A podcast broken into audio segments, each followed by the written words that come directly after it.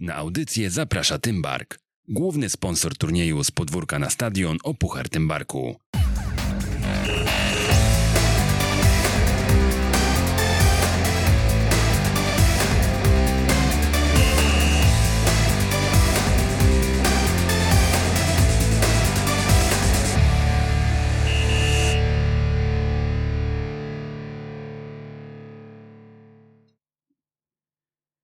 Jak uczyć futbolu 152 przy mikrofonie Przemysław Mamczak. Jak zwykle witam bardzo serdecznie, a witam e, razem z gościem, z którym już słyszeliśmy się e, w Jak uczyć futbolu.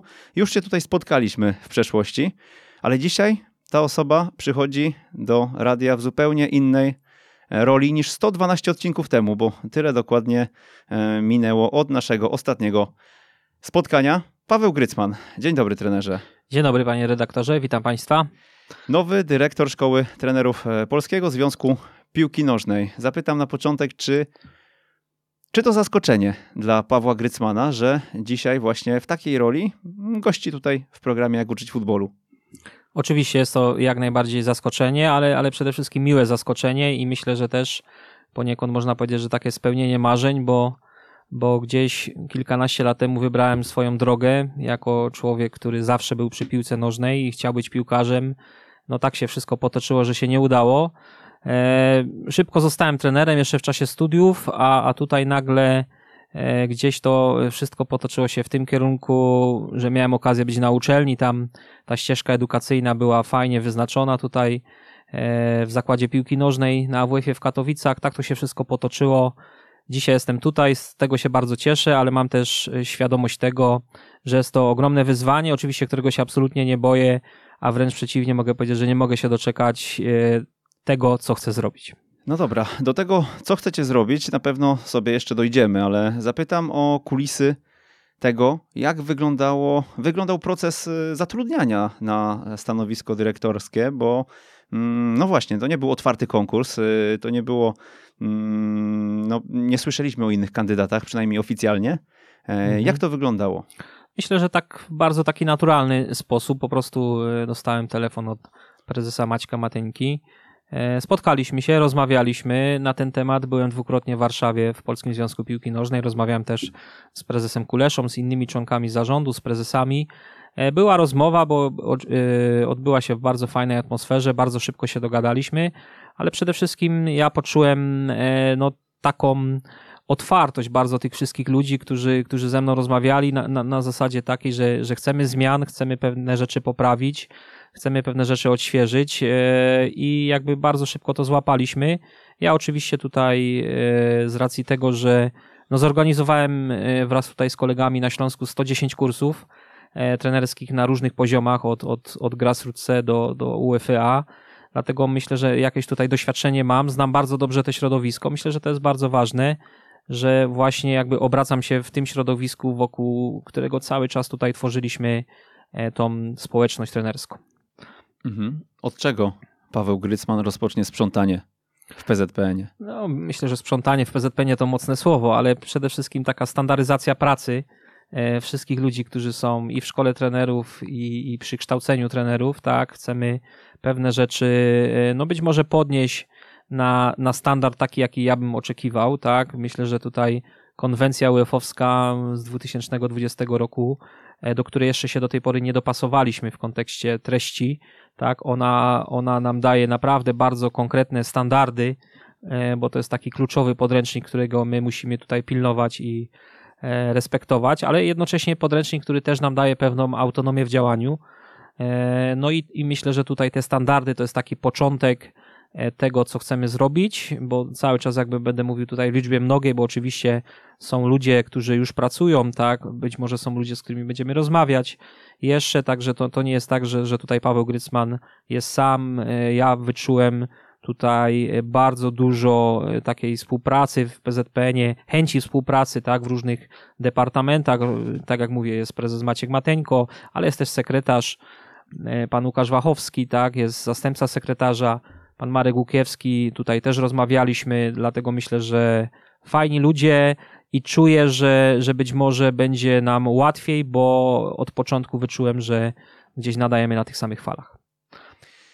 Nie wiem na ile, może nam pan powiedzieć o konkretach. No my się kierujemy do trenerów e, przede Mhm. wszystkim z tą audycją i mm, no ich interesuje, co to znaczy ta standaryzacja na pewno.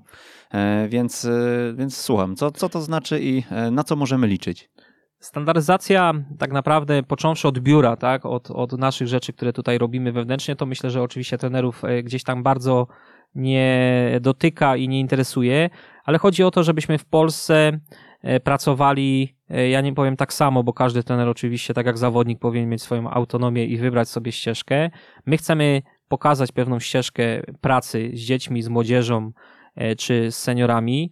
E, oczywiście w oparciu o, o prawdziwe środowisko, w oparciu o fakty boiskowe i na pewno tutaj będziemy tego e, trzymać się najbliżej, ale myślę, że to, co chciałbym, żeby trenerzy już na początku zauważyli, e, no bo oczywiście mam świadomość tego, że e, to, co tutaj powiemy, tak, to o czym, o czym będziemy mówić, no to kiedyś też pan redaktor wyciągnie i, i będzie starał się rozliczać. I ja oczywiście e, mam tego świadomość i absolutnie tego się nie boję.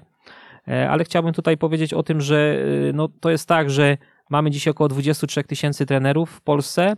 Wielu już zakończy, zakończyło swoją e, ścieżkę edukacyjną na kursach trenerskich, no ale zasługują na to, żeby dostawać cały czas bieżący materiał, tak? I, i tutaj dla mnie, e, tutaj w kontekście tego właśnie tematu, e, kluczowe jest to, żebyśmy tym trenerom, którzy już zakończyli, tak, czyli mają na przykład licencję UEFA czy tak jak dzisiaj skończyliśmy e, kurs Elite A, żeby ci trenerzy otrzymywali cały czas bieżący materiał z tego, co się dzieje, bo każdy, kto jest w edukacji, każdy, kto się tym interesuje, wie, że naprawdę te ostatnie lata to jest ogromna zmiana e, w szkoleniu. E, Poszło to bardzo mocno do przodu, no i trener, który ma licencję określoną, e, no musi przynajmniej dostać od tej matki, czyli Polskiego Związku Piłki Nożnej, Szkoły Trenerów, przynajmniej informację, co się dzieje, i to jest moje zadanie, tak, żeby, żeby cały czas tutaj ze szkoły trenerów dostarczać materiały do trenera praktykującego, do trenera, czyli my chcemy tak naprawdę, żeby dostał to każdy, kto oczywiście będzie zainteresowany e, takim pakietem materiałów, e, inspiracji, tak, bo my oczywiście to nie jest tak, że będziemy dawać tylko gotowe rozwiązania, ale przede wszystkim chcemy dać możliwość trenerowi, żeby miał możliwość dostępu do tego, co się dzieje na kursach trenerskich, które my organizujemy. Okej, to e, czego się możemy spodziewać? Jak to będzie wyglądało? To będą materiały elektroniczne? Mhm. Ja, będą... ja, ja podam przykład, tak? Mhm. Y, Mamy kurs Elidut A, y, który rozpoczynamy na początku nowego roku. Oczywiście, jeżeli pandemia nam tutaj nie przeszkodzi. E, No jest tam sesja, jest to sesja na przykład wyjazdowa e, gdzieś w Akademii za granicą, czy w Akademii tutaj w Polsce. E, Robimy wspólnie z tego materiał szkoleniowy wraz z grupą oczywiście kursantów, trenerów. E, My to opakowujemy, robimy z tego wideo, robimy z tego mm, konspekt, jeżeli były zajęcia praktyczne i wysyłamy to trenerom. Mhm. Dzisiaj mamy narzędzie Extranet, które bardzo szybko pozwoli takim trenerom z poziomu Elite A, których już mamy około 200, tak, e, chcemy im to po prostu przekazać, tak. Ja też jestem e, jednym z pierwszych absolwentów tego kursu Elite A. Dzisiaj zakończyła się ósma edycja. E, No i chciałbym też być na bieżąco, tak, w temacie wyselekcjonowanej piłki młodzieżowej, e, bo ten kurs jakby tego dotyka. I chcemy jakby to sprawić, żeby trenerzy oczywiście mieli dostęp do tego, co się dzieje, a nie było to gdzieś tam zamknięte w szafie i, i dostępne tylko dla kilku osób, które jakby nie są w stanie nic e, z tym zrobić. Nie? Ja, ja podam, tak jak powiedziałem o konwencji UEFA-owskiej, to jest podręcznik, który teraz jest dla mnie najbardziej istotny. E, Tak się składa, że tam jedna z pierwszych, na pierwszych stronach można powiedzieć, że celem edukacji trenerskiej jest poprawa jakości gry i rozwój zawodników, tak? Dlatego jeżeli to nie dojdzie, ta wiedza, którą my przedstawiamy na kursach, nie dojdzie do tego trenera praktykującego, no to tak naprawdę ta edukacja trenerska zawsze się zakończy gdzieś tam tylko i wyłącznie na kursie, a my chcemy tutaj wyraźnie e, gdzieś tak zainspirować, bo będę często tego słowa używał, no większą liczbę trenerów niż tylko tych, których mamy na kursach. Ten podany przykład będzie tyczył się też innych kursów? Oczywiście. UEFA A, UEFA B? Tak, oczywiście. Jeżeli, jeżeli będziemy mieć dobry materiał i będziemy mieć pewność, że to jest dobry materiał na przykład na kursie UFAB w jakimś województwie, tak, jeżeli to, to y, spełni nasze standardy, których my oczekujemy, to oczywiście, że, że wtedy pójdzie to też z poziomu niższych kursów. Nawet i grassroots C, ale oczywiście my tutaj jako szkoła trenerów, jako grupa ludzi, która się tym będzie zajmowała, musimy mieć pewność, że to jest ten standard, czyli że to jest na przykład ten środek treningowy, tak, który Mhm. tworzy optymalne środowisko do rozwoju zawodnika. Czyli mm, będzie ku temu powołana jakaś specjalna grupa osób, która będzie to przygotowywała, czy osoby zaangażowane w związkach będą się tym Mamy, zajmować? mamy już kilka osób e, też, z którymi rozmawiamy, może jeszcze dzisiaj bez nazwisk, bo jeszcze żadnej umowy nie podpisaliśmy, ale mamy też swoją grupę ludzi, mamy też oczywiście wojewódzkich edukatorów, edukatorów, e, którzy są zrzeszeni w związkach, także jest na pewno grupa ludzi, która e, będzie w ten projekt zaangażowana. I, i, i tak jak powiedziałem, no ja jako trener, który, bo ja to tak mogę powiedzieć z własnego e, jakiegoś tak przykładu, tak? Ja, ja też e, byłem trenerem, który pracował najczęściej z najstarszymi grupami e, juniorów i zawsze szukałem jakiejś ścieżki, tak? Szukałem nowych materiałów, jeździłem, e, szkoliłem się, kupowałem różne materiały zagraniczne, e, ale dzisiaj wiem, e, że tak naprawdę w wielu przypadkach błądziłem, mimo że zawsze wydawało mi się, że byłem trenerem nowoczesnym, a chciałbym to dzisiaj ułatwić takim trenerom, tak? Którzy, którzy być może dostaną, no nie tą rybę, tylko tą wędkę, tak? Bo to też nie o to chodzi, żeby dawać gotowe rozwiązania, ale pokazywać, w jakim kierunku chcemy szkolić w Polsce, w jakim kierunku to idzie. I oczywiście, jeżeli trener zdecyduje się, że wy, wybiera ten kierunek, no to my będziemy z tego zadowoleni. Kursy trenerskie, e, no to był temat, ym, który chyba podczas kampanii e, wyborczej, podczas tych e, sierpniowych, tych sierpniowych doniesień o, o, o zmianach w związku e, był najszczerzej komentowany. Mm, Co jeszcze na kursach się zmieni? Poza tym, że z tych kursów gdzieś jakieś materiały będą docierać do już byłych absolwentów tych Mhm. kursów, e, czego się możemy spodziewać właśnie w tym zakresie?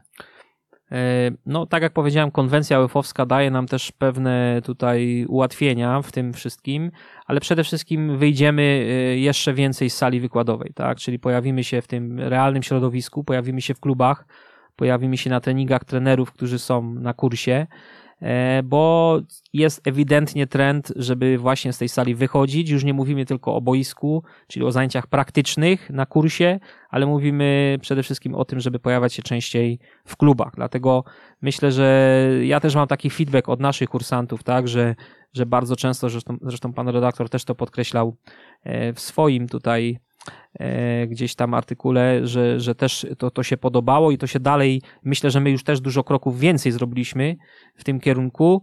E, I tak naprawdę mikrogrupy to oczywiście było, chcemy to jeszcze bardziej rozbudować, tak jak powiedziałem, żeby taki trener po prostu, który jest na kursie, dostał feedback, co on jeszcze w swoim środowisku może zrobić lepiej, bo e, czasem e, pewne rozwiązania, które pięknie wyglądają na tablicy, na, na projektorze, e, no nie mają zastosowania w takim życiu praktycznym, tak? Mimo, że wydaje się, że jest to fajne, dlatego myślę, że to tutaj, to się zmieni i, i już można powiedzieć, że UEFA ewidentnie też daje nam te proporcje, tak, żeby te proporcje w tym aspekcie zwiększyć.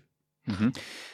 To wszystko pięknie brzmi. E, Również, e, również tak jak pan powiedział o, tym, o tych konspektach i tak dalej, to tak samo te plany fajnie brzmią. Tylko pytanie o realizację personalną, bo e, no tu się na pewno zapala lampka i zresztą też o tym pisałem w reportażu e, z kursu UFA, bo, bo, bo jego pan przywo- przywołuje.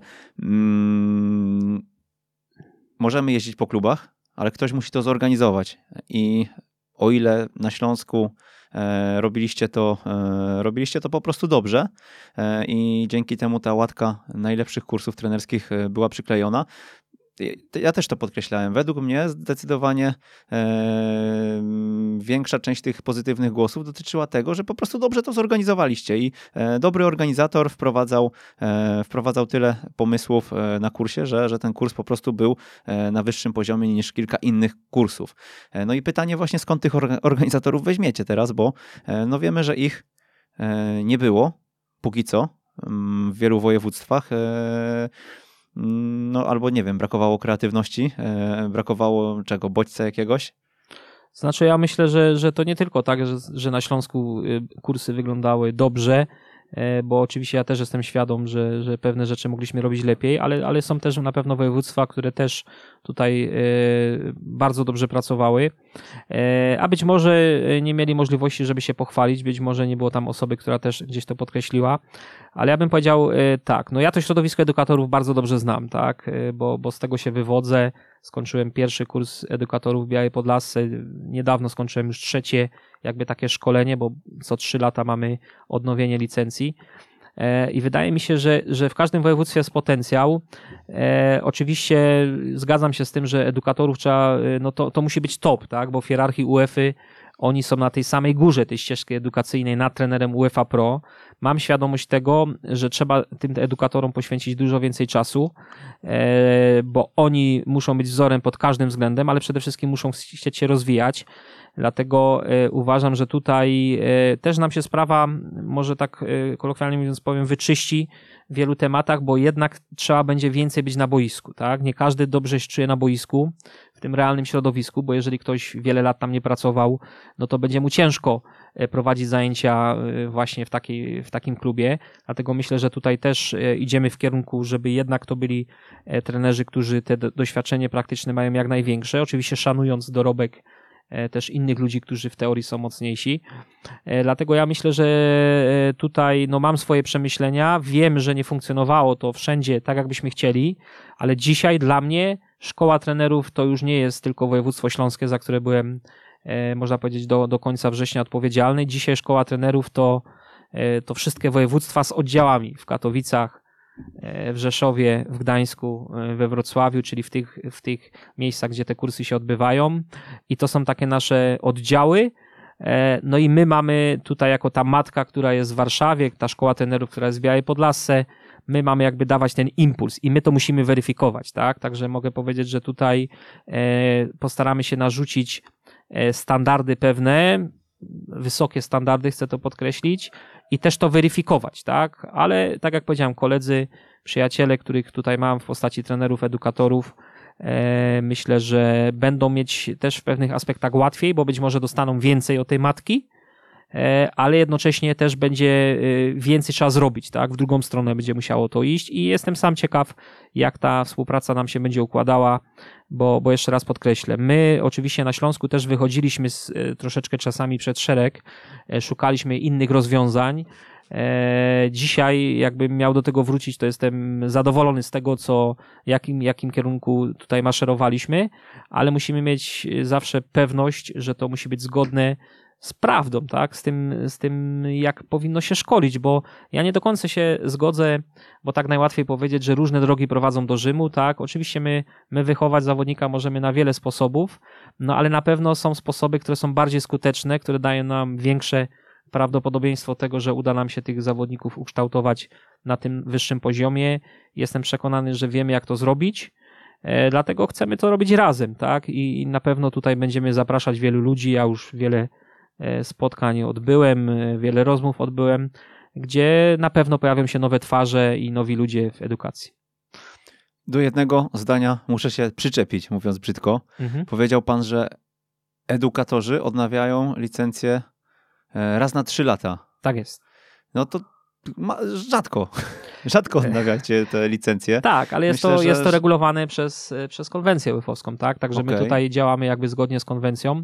E, zgodzę się, że tak jak zresztą system licencyjny, tak? Trenerów, którzy za trzy lata e, odnawiają swoją licencję, też mm. można powiedzieć tak dokładnie, też nie jest to rozwiązanie idealne e, i też musimy się nad tym pochylić, bo ja, ja powiem w ten sposób. No wiemy, jak dzisiaj wyglądają konferencje punktowane, tak?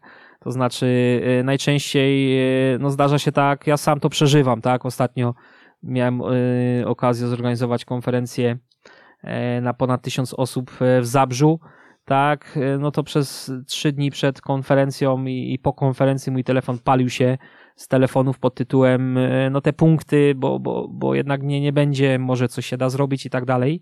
Ja chciałbym, żeby trener przychodził na konferencję po wiedzę, po wiedzę, a konwencja UEFA mówi, oczywiście mówi o 15 punktach, ale nie określa, że to muszą być konferencje, tak? Możemy to zrobić w formie warsztatów, możemy to zrobić w formie jakiegoś stażu. My tak naprawdę musimy podjąć decyzję, czy to się sprawdziło, czy to nie jest tak, że, że, że jakiś wielki procent tych trenerów jest tylko po punkty. Ja podam przykład, my na Śląsku kiedyś wraz z Damianem Galeją e, organizowaliśmy serię warsztatów bez punktów. Tak, bez punktów, nawet już nie pamiętam, nazwaliśmy to dla wiedzy, a nie dla punktów. No i proszę mi wierzyć, że, że było, e, było po 7-15 osób, gdzie potem zrobiliśmy to samo z punktami i w zasadzie po jednym dniu było 150 i nam się system zamknął. Także to była dla nas też informacja, że jednak ludzie tego szukają, a być może, jeżeli to zrobimy właśnie w troszeczkę innej formie, być może okaże się, że, że tak naprawdę na te konferencje przychodzą ludzie tylko ci, którzy chcą przychodzić, po to, żeby być jeszcze lepszymi trenerami. Mhm. Czy Mm, będziecie też jakoś normalizować to, e, jak te konferencje będą wyglądały w różnych województwach, no bo e, ja też byłem w Zabrzu. E, myślę, że nie tylko ja byłem spoza waszego województwa tam mhm. i nie dlatego, że mm, no, dawaliście punkty, zdaje się, że po naszym kursie to ja jeszcze mam aktywną licencję, prawda? Tak, Trzy lata. Tak, tak. No to na pewno nie po punkty, ale pytanie w takim razie, czy inne województwa też będą robić na przykład darmowe konferencje, no bo myślę, że to też was, was wyróżnia zabrzmiało mocno, że mm. robicie konferencję na tysiąc osób, e, czy na 1500 prawie i robicie ją za darmo i tam e, trzeba po prostu tylko się zarejestrować przy wejściu i przy wyjściu potwierdzić swój udział w niej, nie? Tak jest. Kiedy, kiedy rozpoczynałem pracę w Śląskim Związku Piłki Nożnej wraz z prezesem Kulą i wiceprezesem do spraw szkolenia, prezesem Brysiem e, i właśnie Damianem Galeją, koordynatorem, stwierdziliśmy, że nie chcemy zarabiać na trenerach, jeżeli chodzi o konferencje trenerskie związkowe, tak? Bo oczywiście mówiąc o, o wszelkich działaniach komercyjnych, innych podmiotów, uważam, że jeżeli ktoś traktuje to poważnie, to powinien, powinien e, za to e, ktoś inny zapłacić, ale jeżeli my e, zbieramy za licencję, tak, jako, jako wojewódzki związek, no to też musimy coś tym trenerom dać. I, I, mogę powiedzieć z pewną odpowiedzialnością, że my nigdy nie braliśmy za to pieniędzy. Jako wojewódzkie związki, chcę to, jako wojewódzki związek chcę to podkreślić. Raz czy dwa razy była konferencja pod naszym patronem, ale to było jakby też, tam był inny zewnętrzny podmiot i jakby on, można powiedzieć, w jakimś kontekście zbierał te pieniądze. My tylko daliśmy swój patronat. I ja uważam, że pokazaliśmy w Zabrzu, że to się da zrobić E, oczywiście był bardzo niski budżet na to przeznaczony, tak? Czyli trenerzy, wszyscy praktycy, którzy prowadzili, nie dostali za to pieniędzy. Można powiedzieć, że chcieliśmy pokazać naszych trenerów, którzy fajnie pracują e, w klubach. Chcieliśmy dać dużo praktyki, bo mamy świadomość, że przez przez czas pandemii tej praktyki w ogóle nie było, dlatego też był taki cel. Mam świadomość pewnych deficytów, które były na tej, na tej konferencji, ale z drugiej strony e, mam taki feedback e, bardzo skrajny, tak? Bo ci, którzy, tak mogę powiedzieć, E, rozumią to, co tam się działo, to, to mówią fajnie, bo zobaczyliśmy pewne rozwiązania. A inni znowu twierdzą, no, no co to było, tam jakieś tylko gry były, te gry trwały bardzo długo, tak, mało tych środków było treningowych, no bo jakby jeżeli ktoś nie rozumie tej idei, tak, że, że zawodnik uczy się przez doświadczanie, poprzez popełnianie błędów, wychodzenie z tych błędów, no to być może do końca tego e, gdzieś tam nie zrozumiał, tak, ale my chcieliśmy dać jasny impuls, jak chcemy, żeby trening był prowadzony, jak to można zrobić i jak to robią już trenerzy praktycy, bo oni zrobili to e, ze swojego podwórka, ze swojej, e, z punktu widzenia swojej drużyny i myślę, że to się udało i ja jestem finalnie zadowolony, bo e, bo wielu trenerów mogło zobaczyć sześć jednostek treningowych. Powiedział Pan o nowych twarzach, których możemy się spodziewać w szeregach edukatorskich. Kto to będzie? Znaczy, no tu, tu tak jak mówię, dopóki oczywiście nikt, e, ktoś umowy nie podpisze, ja nie mogę o takich e, tutaj nazwiskach mówić. To inaczej, jaki to będzie procent? Mhm. Jaki procent tych edukatorów się zmieni w najbliższym czasie? No, panie doktorze, to jest trudne pytanie, bo tak, z jednej strony mam szkołę trenerów, tak, i, i jest tu dosłownie kilka osób, a z drugiej strony mówimy o tej dużej rzeszy trenerów, edukatorów, którzy są w województwach. E, I my chcemy więcej czasu poświęcić na tych trenerów, właśnie edukatorów, którzy są w województwach e, i wspólnie się uczyć, tak? Czyli e, można powiedzieć, że taki trener edukator będzie miał teraz więcej wyzwań, będzie musiał więcej rzeczy przygotować, zrobić, wykazać się pewnymi działaniami, no i, i w pewnym, myślę, że czasie też nastąpi czas rozliczeń. Dlatego ja jakby nie chcę, żeby... Naturalna selekcja, natu... rozumiem, że się... Od... Naturalna selekcja, ale ja bym, bo, bo jak słyszymy słowo rewolucja, no to rewolucja się zawsze kojarzy z ofiarami, tak? Ja bym właśnie chciał, nie, nie, nie chciał używać słowa rewolucja, bo tak jak powiedziałem, chcę, chcemy pokazać sposób pracy, który wychodzi do trenerów w praktykę, I pytanie, czy ci trenerzy, którzy są teraz, wszyscy będą się dobrze w tym czuć? Myślę, że nie. Myślę, że, że tutaj zresztą na ostatnich edukatorów, ta, edukatorach, nie wiem czy trener ma taką wiedzę, ale pojawiło się bardzo dużo nowych twarzy, tak? tak, tak Byli tak. to też młodzi trenerzy.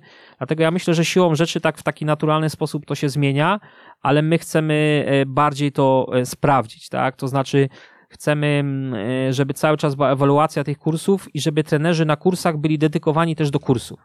Ja podam przykład tutaj Jakuba, tak, Śpiegowskiego, który tutaj też e, współpracuje, którego znamy e, z różnych tutaj wydarzeń edukacyjnych, tak, jeżeli Kuba bardzo dobrze czuje się w piłce dziecięcej, no to oczywiście jest kurs Grassroots który jest e, dedykowany do tej piłki dziecięcej, tak? I z tego co wiem, to właśnie w Zachodnio-Pomorskim Związku Piłki Nożnej Kuba już tam prowadzi zajęcia na poziomie kursu Grassroots. Tak, I był, myślę, był że nawet na waszym e, zlocie edukatorów e, w dniu, kiedy miał obronę właśnie u nas na studiach tak? rozumienia gry. Okay. Ale, ale zdążył pogodzić jedno i drugie, także no, Kubę pozdrawiamy. I, I myślę, że to jest super, że on jako praktyk jednocześnie daje swoje doświadczenia z tej praktyki właśnie na poziomie tego kursu. Ale czy UEFA B, czy UEFA A teraz, e, jakbym ja miał decydować na Śląsku, to ja bym go nie zabrał, a to nie dlatego, że mam tutaj jakieś obiekcje co, co do jego tutaj kwalifikacji, tylko chodzi o to, żeby to wykładał człowiek, który pracuje na danym poziomie. Dlatego będziemy chcieli też tych edukatorów troszeczkę e, w jakiś sposób dedykować do poszczególnych kursów, tak? Ja myślę, że my na Śląsku, e, bo ja zawsze chwalę, chwalę naszych trenerów, edukatorów na Śląsku, bo to jest mocna grupa, od której bardzo dużo się nauczyłem, no to zawsze daję przykład trenera Janusza Kowalskiego, tak? który, który od wielu, wielu lat prowadzi e, Gwarek Zabrze, juniorów najstarszych, no to logiczne jest, że jak on idzie na poziom kursu UEFA B czy UEFA A, to rozmawia o tej piłce, o tym przejściu z juniora do seniora, no i taki słuchacz, który, kursant, który słyszy, że wychował Piszczka, tak, Kosowskiego i tą całą listę tych zawodników, no to inaczej słuchać historię trenera Janusza Kowalskiego, który mówi o tym, co się wydarzyło, niż trenera, który mówi, no, no, no słuchajcie, zróbcie tak, bo tak jest dobrze, nie? Także myślę, że to też jest niezwykle istotne i też chcemy to w jakiś sposób taką gradiację zrobić. Co jest kluczowe na kursach trenerskich? Jakość. Jakość. Jeżeli jest jakość, no to oczywiście tak jak z zawodnikiem to wychodzą lepsi trenerzy, czy lepsi zawodnicy w przypadku klubów, dlatego zdecydowanie jakość. E, ja bardzo dobrze czuję się w merytoryce, bardzo lubię rozmawiać o merytoryce. E, troszeczkę być może mi tego wcześniej brakowało, tak? E, a teraz przede wszystkim jakość i to będzie dla nas kluczowe na kursach. Jakość pod każdym względem, od tego jak wygląda pakiet dla kursanta, tak? Czy dostaje jakieś narzędzie, jakieś oprogramowanie, od tego, jak prowadzi notatki, jak prowadzi trening, na jakiej grupie prowadzi ten trening, tak, jaka jest analiza tego treningu, jakie są wyciągnięte wnioski, także jakość w każdym aspekcie. Ja myślę, że sama organizacja też i podejście do niej, e, żeby zaplanować sobie zjazdy, chociaż z perspektywy całego roku, no to już jest, już jest duży plus, o czym też możemy słyszeć od e, ludzi, że e, nie jest normą. No tak, ja, ja, ja mogę podać przykład Artura Skowronka, tak, którego bardzo dobrze znam. Obecnie jest trenerem Zagłębia Sosnowiec. Ja mu zawsze życzę tego, żeby pracował w klubach ligowych, no ale czasami jest tak w życiu trenera profesjonalnego, że tego, tego klubu nie ma, no i wtedy fajnie go wykorzystać. Ale no nie mogę tego zaplanować rok wcześniej, dlatego mhm. były kursy takie, gdzie nagle trenerzy z, z nazwiskami, e, którzy naprawdę wysoki poziom prezentowali, no nie mieli pracy i wtedy oczywiście staraliśmy się ich złapać e, na kurs trenerski, a były takie momenty, że oni pracowali E, no i trzeba było szukać jeszcze inaczej. Dlatego tutaj zawsze jest to dynamiczne, ale myślę, że to też fajne, tak? Mhm. Że... Chociaż ja, ja się odnosiłem bardziej do samych dat, bo to jest mm często, tak. e, często gdzieś dostajemy też informacje, my organizując jakieś inicjatywy, że oj nie przyjadę, bo dostałem wczoraj informację, że E, że mamy za trzy dni zjazd na przykład, nie? Czasami, mm. czasami gdzieś jakieś takie kuriozalne sytuacje się pojawiały, no ale myślę, że ta organizacja to jest istotny aspekt, a e, wykorzystanie takich osób właśnie jak e, trener Skowronek, czy, czy ci, którzy innych, tak. są aktualnie na rynku, no ale tutaj znowu proaktywna osoba, która trzyma rękę na pulsie. Wiem po sobie, jak już kiedyś o tym mówiłem, że jak, trochę jak sęp czekam na tych ludzi, którzy są przez moment wolni i wtedy E, i wtedy witam ich tutaj w studiu. Tak jest. No i my e, podobnie czasem na kursach działamy. Tak? Potrzebujecie I... więcej takich sępów. Oczywiście, no, no, dokładnie tak, ale, ale to, jest, to jest oczywiście bardzo ważne i, i, i z takich ludzi, praktyków trzeba, trzeba jak najbardziej korzystać. Co jeszcze będziemy zmieniać? No myślę, że mm, wiele zastrzeżeń było mm, do transparentności przyjęć na kursy, tak? e, szczególnie ten najwyższy UEFA Pro i myślę, że tutaj w tym temacie też będziemy starali się określić bardzo przejrzyście, tak, żeby było jak najmniej pytań, bo mamy świadomość, że szczególnie tu moja rola jest trudna, no bo gdzieś ci ludzie, którzy chcą się dostać na kurs zawsze dzwonią, tak, i, i zazwyczaj no, no w tym aspekcie będzie to, myślę, że telefon czy poszukiwanie mojej osoby, a ja chciałbym to bardzo zamknąć w taki transparentny sposób, żeby było jasno określone przed, publicznie, tak, e, za co punktujemy, Oczywiście, że zawsze największą wartością będzie te doświadczenie w pracy trenerskiej na tym poziomie pod tą licencją, tak? Czyli mówiąc dzisiaj, że licencja UEFA Pro daje nam możliwość pracy w ekstraklasie e, i pierwszej lidze, no to wiadomo, że zawsze będziemy punktować najwyżej te prowadzenie zespołów na poziomie drugiej e, czy trzeciej ligi, no bo druga liga jest od niedawna dla trenerów e, UEFA otwarta, ale też oczywiście doświadczenie jako asystent na tym najwyższym poziomie i to jest najważniejsze.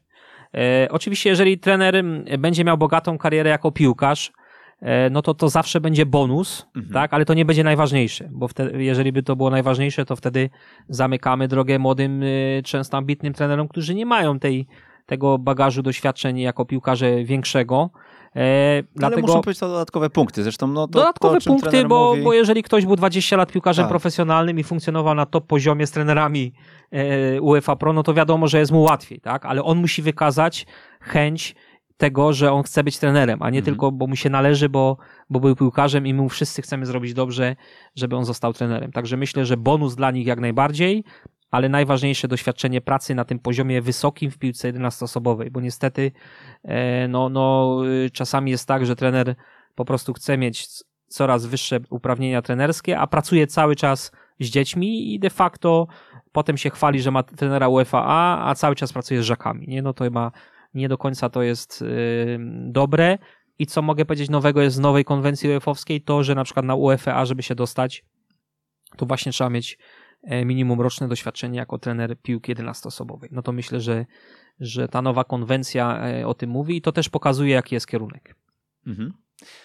No ciekawe, nie ukrywam, że ciekawe e, i czekamy na taką tabelkę e, oczywiście, z punktacją. To, to... Oczywiście wszystko można policzyć, e, mało tego wszystko taki no, trener, mając taką wiedzę, on już tak naprawdę jest przygotowany do tego, co go czeka. Tak, w jakiej ja jestem w stanie, postawić. tak jest, ja jestem w stanie bardzo szybko e, wraz z grupą ludzi tutaj w szkole trenerów takie, takie wyniki ogłosić, tak, bo, bo, bo tak naprawdę no, nie ma tam miejsca na takie subiektywne odczucia, tak? Mhm. Bo jakby chcemy uniknąć tego, żeby tego było jak najmniej. Oczywiście jest te pole do popisu do, dla trenera, żeby e, narysował jakiś środek treningowy, tak? pokazał jakieś e, tutaj e, umiejętności w grze, w tej praktyce, ale tak naprawdę chodzi o to, żeby jak najwięcej rzeczy było transparentnych, bo mamy świadomość, że jest to kurs tak wyeksponowany na, na, na samej górze, e, tak publiczny, tak, dotyka wielu, wielu ludzi, których po prostu znamy, że no ta transparentność to jest rzecz bardzo ważna. Ja muszę powiedzieć, że bardzo mocno nauczyłem się tego na Śląsku, tak, gdzie, gdzie tutaj od początku prezesi podkreślali, żeby jak najwięcej rzeczy było transparentnych. Myślę, że w tym kierunku podążaliśmy i, i też na pewno będzie mi łatwiej to zrobić. Mhm. No to jest. Yy Pisałem o tym e, jakiś czas temu, e, nawet felieton, więc, więc dokładnie tak to sobie szczerze mówiąc wyobrażałem i e, osoby, które gdzieś tam to śledzą, pewnie, pewnie pamiętają, że gdzieś taka tabelka, która będzie jasna już przed, kiedy właśnie trener będzie w stanie powiedzieć: OK, idę teraz do trzeciej ligi, bo tam jest najwięcej punktów i OK, teraz nie mam tam jeszcze dużych pieniędzy, ale zwiększam swoją szansę na UEFA Pro, a następnie nawet na stronie związku opublikować opublikować listę 70 nazwisk e, z punktacją po prostu e, bieżącą, z, takim, e, z taką tabelką Excelową, gdzie nie ma miejsca na mm, subiektywizm, podejście mm, po prostu No jak najmniej, żeby tego miejsca na to było. Tak? Oczywiście tak, tak mhm. tylko jest, jest, jest, jest mm, czysta matematyka. No bo mówię, jeżeli ktoś rysuje środek treningowy, to oczywiście komputer już nam, Excel już nam tego nie policzy. No, tak? to egzamin zakładam będzie jakimś tam procentem, nie? Oczywiście, Bo dlatego... jest doświadczenie i, tak i to, o czym mówiliśmy. No i myślę, że też ściągnie pan sobie z pleców e, dużo e, nieprzyjemnych telefonów, no bo e, wiadomo, że tutaj w tym środowisku wszyscy się znają, a, a później trzeba będzie komuś odmawiać, bo miejsc jest mało. 20 mm. tylko chcę tu podkreślić. Nie 24? 20 miejsc jest według najnowszej konwencji, ale jest tam taki zapis, że jeżeli wykażemy, że potrzebujemy żeby ten kurs zrobić troszeczkę częściej, bo, bo, bo teraz jakby nam mhm. na to możemy to robić raz na dwa lata, no to, no to musimy to wykazać, tak? I my też jesteśmy, ja już tutaj z kolegami przygotowałem taką listę, tak, ilu mamy trenerów UEFA Pro, to też jest ciekawe, że mamy 253, jak, jak dobrze pamiętam, ostatnio sprawdzałem, e, ale około 40-50 e, gdzieś tam po konsultacjach z ludźmi związku, jakby nie są zainteresowani już pracą na tym poziomie ekstraklasy czy pierwszej ligi, nie? Czyli są to trenerzy już na emeryturze, są mhm. to trenerzy akademicy, którzy już jakby nie rozpatrują pracy, czy trenerzy zagra zagraniczni, e, tacy jak Peter Hybala, tak, który już jakby można powiedzieć, no nie jest brany pod uwagę E, w polskiej ekstraklasie, chociaż różne rzeczy się mogą wydarzyć, ale jakby do czego zmierzam, no to z, tu, z tych 250 już robi się 200, tak, biorąc pod uwagę, że mamy 36 miejsc, bo 18 w ekstraklasie i w pierwszej lidze, no to robi się w y, proporcjach około, około y, że na jedno miejsce pracy jest około 7 miejsc. Mhm. No i teraz sobie musimy odpowiedzieć, jest kandydatów. Siedmiu kandydatów, tak, dokładnie. Mhm. Pytanie, czy to jest dużo, czy mało? Nie? Tych no trzeba to porównać do Niemiec najlepiej i wysłać do UEFA, bo wtedy będzie, e, wyjdzie, że mamy mało tych trenerów. E, tak, e, no a dobrze wiemy, że im więcej kandydatów e, na jedno miejsce, tym lepszy poziom, tak, bo większa selekcja, tak jak z zawodnikami, nie? Trudniej się dostać, no ja, ja, ja tą liczbę 1 do 7 bardzo dobrze znam, bo, bo na AWF, jak, jak, jak yy, kończyłem liceum, to, to było właśnie 7 osób na jedno miejsce. No dzisiaj się już zupełnie zmieniło, dzisiaj praktycznie jest 1 do 1, tak, y, na wielu AWF-ach w Polsce. No i to od razu widać w jakości, tak, w jakości y, studentów. Dlatego tak samo jest z trenerami, tak? I... Czyli Polski Związek Piłki Nożnej będzie do UEFA pisał za chwilkę, żeby e, ten no, kurs się częściej odbywał. Tak jak pan redaktor słusznie tutaj zauważył, teraz jesteśmy na etapie zbierania informacji, jak to wygląda mhm. w innych federacjach w kontekście tych proporcji, tak? Mhm. Bo my wykazując coś, jakieś zapotrzebowanie, no musimy się opierać na faktach, czyli na tym, jak to wygląda w innych federacjach e, i i właśnie teraz do tego się przygotowujemy. No, Hiszpanii, jak się pokaże, to myślę, że też będzie optymistycznie dla nas. W sensie takim, że tych kursów może być więcej, no bo chyba, hmm, chyba nikt się nie obrazi, jakich będzie po prostu więcej. Tak, ale trzeba pamiętać, że Hiszpanie z tą UEFA Pro mają takie dwie UEFA no Pro tak. hiszpańskie i, i UEFA-owskie, nazwijmy to, dlatego to troszeczkę ten... z e, tak. trenerem Pasieką chyba nawet tak, tutaj. i ten obraz jest troszeczkę zamazany. E, ja bym to porównał, to jest coś podobnego jak u nas jeszcze kiedyś trener był klasy mistrzowskiej, czy trener klasy pierwszej, e, ale to, tak jak mówię, zostawmy na razie, no, tak jak powiedziałem, już to liczymy, już tych trenerów gdzieś tam oglądamy i przygotowujemy się do tego, bo, bo kurs UEFA Pro nabór rozpocznie się dopiero w styczniu, tak? I będziemy go chcieli rozpocząć w połowie roku, jak skończy się ten kurs, który trwa w tej chwili. Gdyby nie nowa funkcja, dzisiaj rozpoczynałby pan 13 rok jako mm, wykładowca na mm, katowickim AWF-ie. Tak jest, zgadza tak? się. Czy możemy się spodziewać, że coś się w tej materii też zadzieje, jeśli chodzi o e, Polski Związek Piłki Nożnej i o kształcenie trenerów e, i o współpracę z AWF-ami, bo wiemy, że te ostatnie lata przyniosły e, wielką zmianę. Mm, zmianę szeroko komentowaną.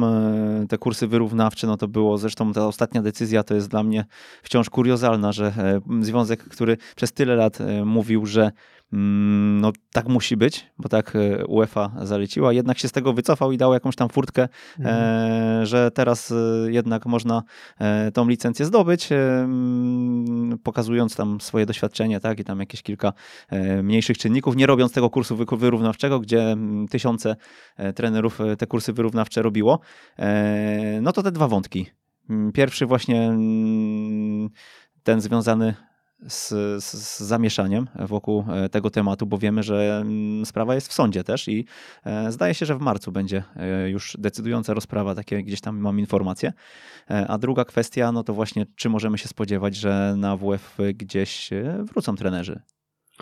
Ja może powiem w ten sposób, że po pierwsze, no nie chciałbym wracać do mm, tematów, które zostały podjęte wiele lat wcześniej, na które nie miałem wpływu, bo ja sam jestem trenerem, który musiał wyrównywać swoje uprawnienia trenerskie, będąc trenerem pierwszej klasy, mhm. bo, bo na studiach dziennych kończyłem trenera drugiej klasy, potem zrobiłem trenera pierwszej klasy i w zasadzie, kiedy robiłem trenera pierwszej klasy, już dowiedzieliśmy się w czasie tego kursu, że najprawdopodobniej będziemy w, w, w kontekście papierów UEFA-owskich traktowani tak samo jak trenerzy drugiej klasy. E, I ja powiem e, w ten sposób, no coś się wydarzyło, E, mamy wiele, wiele kursów wyrównawczych, które się zakończyły, tak? Trenerzy dostali wiedzę, trenerzy dostali, myślę, że wiele kompetencji do tego, żeby być jeszcze lepszymi ludźmi. Ja mogę tylko swojego takiego doświadczenia i przemyśleń odnośnie tych kursantów, czy to tych kursów zintegrowanych BIA, czy wyrównawczych UFAB, powiedzieć, że e, mieliśmy, byliśmy bardzo często rozczarowani e, poziomem na tych kursach. Dlaczego? Bo byli to trenerzy, którzy mieli tytuł trenera drugiej klasy i wielu z nich miało bardzo wysokie ego, tak, bo skończyli uczelnię e, i, i uważali, że im się należy, tak, a potem na kursie wyszło, że jednak do końca tak dobrze nie jest. Z drugiej strony było bardzo wielu kursantów, którzy prezentowali bardzo wysoki poziom, tak, mhm. e, i można powiedzieć, że im się to też należało. E, I takie właśnie mieszane uczucia w, tej materii, ale tu bym chciał na jedno bardzo e, ważne, bardzo ważny aspekt podkreślić, że ten, kto jest cały czas przy edukacji trenerskiej, to wie, że, że ta w kontekście tych kursów, które kilkanaście lat temu się odbywały na, na uczelniach, e, edukacja trenerska zmieniła się prawie o 180 stopni. Kontekście realnego środowiska, tworzenia tego środowiska, tak? E, tego, tej, tej pięknej maksymy graż, jak trenujesz, tak? I, I teraz proszę zobaczyć, jeżeli ktoś został tam, tak, e, no to, to dzisiaj będzie miał ciężko. I też mam taki feedback od kursantów. A z drugiej strony, no ci ludzie są po wykształceniu trenerskim, tak, czyli, czyli wiele godzin psychologii, tak, pedagogiki, żywienia i tak dalej, tego, co nie jesteśmy w stanie osiągnąć na kursie, tak, bo jeżeli na kursie mamy kilka godzin na przykład na żywienie, a ktoś skończył dwa semestry na AWF-ie, no to jakby nie ma kompletnie o czym mówić. No i teraz e, jest tutaj e, no, problem, który ciężko rozwiązać, mówię szczerze, bo e, no, co, co byśmy nie powiedzieli w jedną czy w drugą stronę, to zawsze będzie zawsze z tego tytułu będą jakieś nieporozumienia, bo odezwią się ci, którzy już to zrobili, a z drugiej strony będą ci zadowoleni. E, I tutaj jest temat e, bardzo trudny. E, my też oczywiście to mam świadomość, że to teraz na mnie spadło, tak? A z drugiej strony, no też, tak jak pan redaktor wie, no ja tutaj absolutnie w tym nie uczestniczyłem wcześniej, tak? Mhm. Dlatego tutaj, no też mamy zaplanowane spotkanie w tym, w tym kontekście, bo być może trzeba będzie być na tej sprawie. Nie ukrywam, że do mnie już też kilku trenerów napisało w temacie właśnie wyrównania tych uprawnień trenerskich i myślę, że to jest temat niestety, który się będzie ciągnął e, i z którym e, no, musimy coś zrobić. Jest uchwała, tak, jest uchwała, tak jak pan redaktor wie, która niedawno się pojawiła, która daje furtkę trenerom, którzy mogą, którzy pracu, pracowali na pewnym poziomie, mogą wyrównać sobie uprawnienia do poziomu UEFA Pro, czy poziomu UEFA A, tak, czy, czy poziomu UEFA B, oni to mogą zrobić. Oczywiście muszą potwierdzić, że pracowali w tym czasie na pewnym poziomie, tak? Jeżeli ktoś pracował e, na, na, na przykład z trenerem pierwszej klasy czy klasy mistrzowskiej na tym najwyższym poziomie, to jest w stanie to wyrównać do poziomu UEFA Pro, tak? Jest uchwała, którą można znaleźć bez problemu w internecie Polskiego Zarządu Polskiego Związku Piłki Nożnej, która to reguluje. Tak, dlatego myślę, że myślę, że tutaj coś się w tym temacie podziało ale zawsze jednak pozostanie grupa ludzi niezadowolonych i ja to rozumiem, bo, e, bo wiem jak jest. Tutaj oczywiście też aspekt finansowy jest, jest niezwykle istotny, bo jednak te kilka tysięcy no, no trzeba zainwestować. Pytanie, czy traktujemy to jako wyrzucone pieniądze, czy traktujemy to w inwestycje jako rozwój trenera? No tutaj kluczem jest też e, poziom kursu, bo jeśli ktoś poszedł na UEFA Pro, to myślę, że żałować nie żałował, bo wiemy, że te kursy cieszyły się dobrą renomą i nadal mhm. pewnie będą. E, natomiast no, z kursami UEFA A już było różnie w kontekście Polski. No to tak jak mówię, ja odpowiadałem za Śląsk.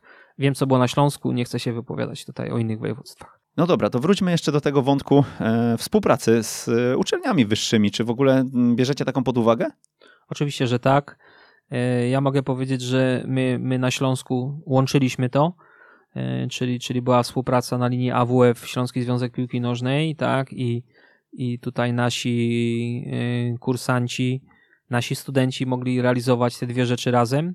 I ja myślę, że najwyższa pora do tego, żeby wrócić do współpracy, do dialogu przede wszystkim, tak, bo, bo w pewnym momencie ja jeszcze jako człowiek, który był tylko na uczelni, no, no zabolało nas to, tak, jak padło hasło niebo nie, w zasadzie nie było jakiegoś e, logicznego uzasadnienia, tylko padło hasło niebo nie. I dzisiaj mogę powiedzieć, że wygląda to w ten sposób, że wiele uczelni już w jakiś sposób z tymi związkami się dogaduje, tak? Troszeczkę jest to tak e, czasem obok, czasami e, może to jest dla taką niekorzyścią dla kursantów, ale już ta współpraca jest, a my chcemy teraz jasno pokazać, że na uczelni przede wszystkim jest baza, na uczelni są świetni wykładowcy, są ludzie z przedmiotów ogólnych, tak, których bardzo często zapraszamy na kursy mhm. trenerskie, tak, pod egidą UEFA, e, ale musimy mieć świadomość, że zajęcia specjalistyczne z piłki nożnej, których jest najwięcej, musi prowadzić trener edukator, tak, i, i tego nie przeskoczymy, nawet nie chcemy, dlatego, tak jak powiedziałem, jest taki wspólny obszar do tego, żeby e, grupa studentów, na przykład specjalizacji trenerskiej, kierunku sport, kierunku sport piłka nożna, pod E, tutaj przy współpracy ze Wojewódzkim Związkiem, na przykład na AWF-ie, tak, czy, czy uczelni, która ma tutaj piłkę nożną, żeby to realizować wspólnie, oczywiście w określonych e, standardach, tak, które reguluje nam UEFA e, i myślę, że jesteśmy w stanie wrócić do rozmów. Ja będę chciał tutaj spotkać się ze wszystkimi zainteresowanymi w tym temacie, żebyśmy ustalili proces, bo E, proszę pamiętać, że to nie jest tak, że teraz kursy wrócą na uczelnie i będą tylko na uczelniach.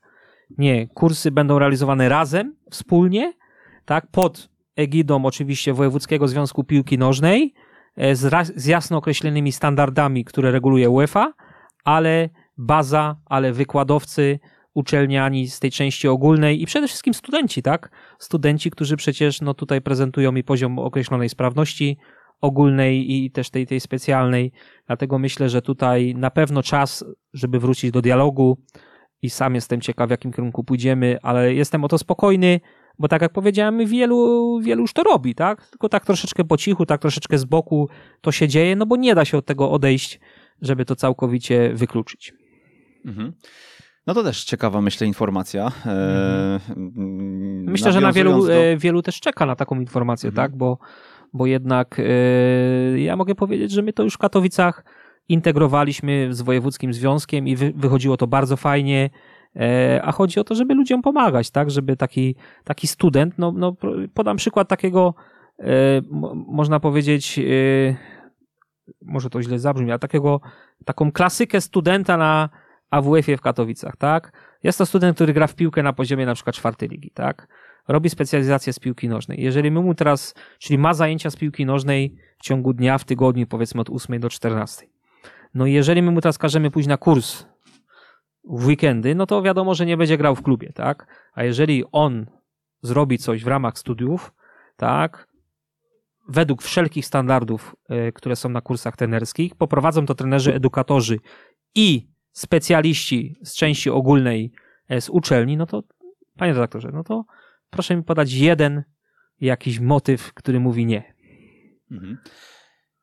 Nawiązując do mojego wywiadu e, z mm, trenerem Mateńko na mhm. E, weszło, zapytam, czy sypia pan? E, dobrze pan sypia? Ile pan sypia w tej chwili? Bo słyszymy tych pomysłów jest sporo, no i... Ja bym nie chciał mówić o tym, że, że, że sypiam czy nie sypiam.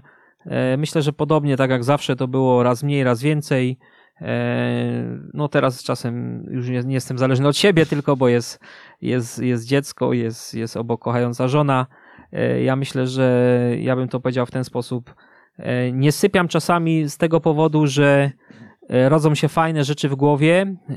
Nie mogę się doczekać kolejnego dnia, żeby już pewne rozmowy, już pewne działania robić i to, i to jest fajne. No bo jeżeli człowiek kocha swoją pracę, a tak jest ze mną, no to, to człowiek się nie męczy. Dlatego Dlatego spokojnie e, myślę, że mamy troszeczkę czasu. Przyjdzie czas rozliczeń i myślę, że pan redaktor będzie jednym z pierwszych, który nas rozliczy i ja, ja powiedziałem, ja się tego nie boję. Jestem świadom, że odpowiedzialność jest coraz większa. Krytyka też, e, która się e, być może pojawi, też jestem tego świadom, że tak może być ale ja zawsze mówię, niech jest krytyka, jeżeli jest ona uzasadniona w jakiś sposób. Tak? Nie wiem, czy to była pochwała, czy szpileczka. Jedno i drugie, po trochu. E, no to zapytam o Białą Podlaską, bo mm, wiemy, że mhm. E, szkoła trenerów funkcjonuje, funkcjonuje tam od lat.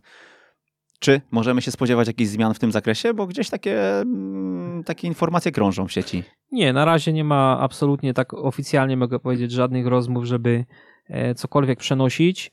E, oczywiście tutaj myślę, że strategiczny będzie temat e, bazy ogólnie szkoleniowej Polskiego Związku Piłki Nożnej, tak? Czy, czy taka baza będzie? tak, bo wydaje się, że jest taka potrzeba, patrząc na inne federacje, żeby, żeby powstała baza, w której będą nasze reprezentacje młodzieżowe tutaj szczególnie mogły e, funkcjonować, no to jeżeli będzie taka baza, to naturalnym domem dla takiej bazy może być też szkoła trenerów, tak? Ale myślę, że jest to tak odległy temat, że my teraz absolutnie się na tym nie skupiamy e, i myślę, że te wszystkie takie głosy, które chodzą tutaj o zmianie, to raczej raczej są takie no, nieoficjalne i za bardzo nie z wiarygodnych źródeł. E, ja wróciłem, właśnie wracam z dwóch dni e, tutaj zajęć na kursie Elite A i muszę powiedzieć, że to, co ja obecnie potrzebuję, czyli bardzo dobre boisko plus sala wykładowa z wysokimi standardami, to jest e, i na tym się skupiamy, bo, bo nie możemy dotykać wszystkich obszarów. Ja mam świadomość, że chciałbym, żeby jak najszybciej szkoła trenerów wyszła właśnie to, co powiedziałem na początku tutaj naszej audycji, do trenerów praktykujących i to są rzeczy dla mnie najważniejsze. A być może e, gdzieś tam wyżej nade mną, tak, e, prezesi podejmą decyzję, ale myślę, że to jeszcze nie ten czas. Mhm, to zapytam jeszcze, e, czy coś jeszcze dorzucimy e, do tych wątków, co się może zmienić? Co się może zmienić? No, zależy o co chce pan redaktor zapytać. To, dla mnie może się zmienić. Ale... Tak, dla mnie może mhm. się zmienić trener piłki nożnej, tak? Czyli trener, który ma świadomość tego, jaką ma odpowiedzialność przed sobą, będąc trenerem, tak? Że on ma zawodników, których może, może z nimi wejść na jakiś określony poziom. E, I ja mam świadomość tego, e, w jakim jestem teraz miejscu w kontekście zmian, bo zawsze mówiło się tak, że no nie masz na pewne rzeczy wpływu, tak? Że, że no, stara się coś robić najlepiej na swoim podwórku, ale nie masz na pewne rzeczy wpływu.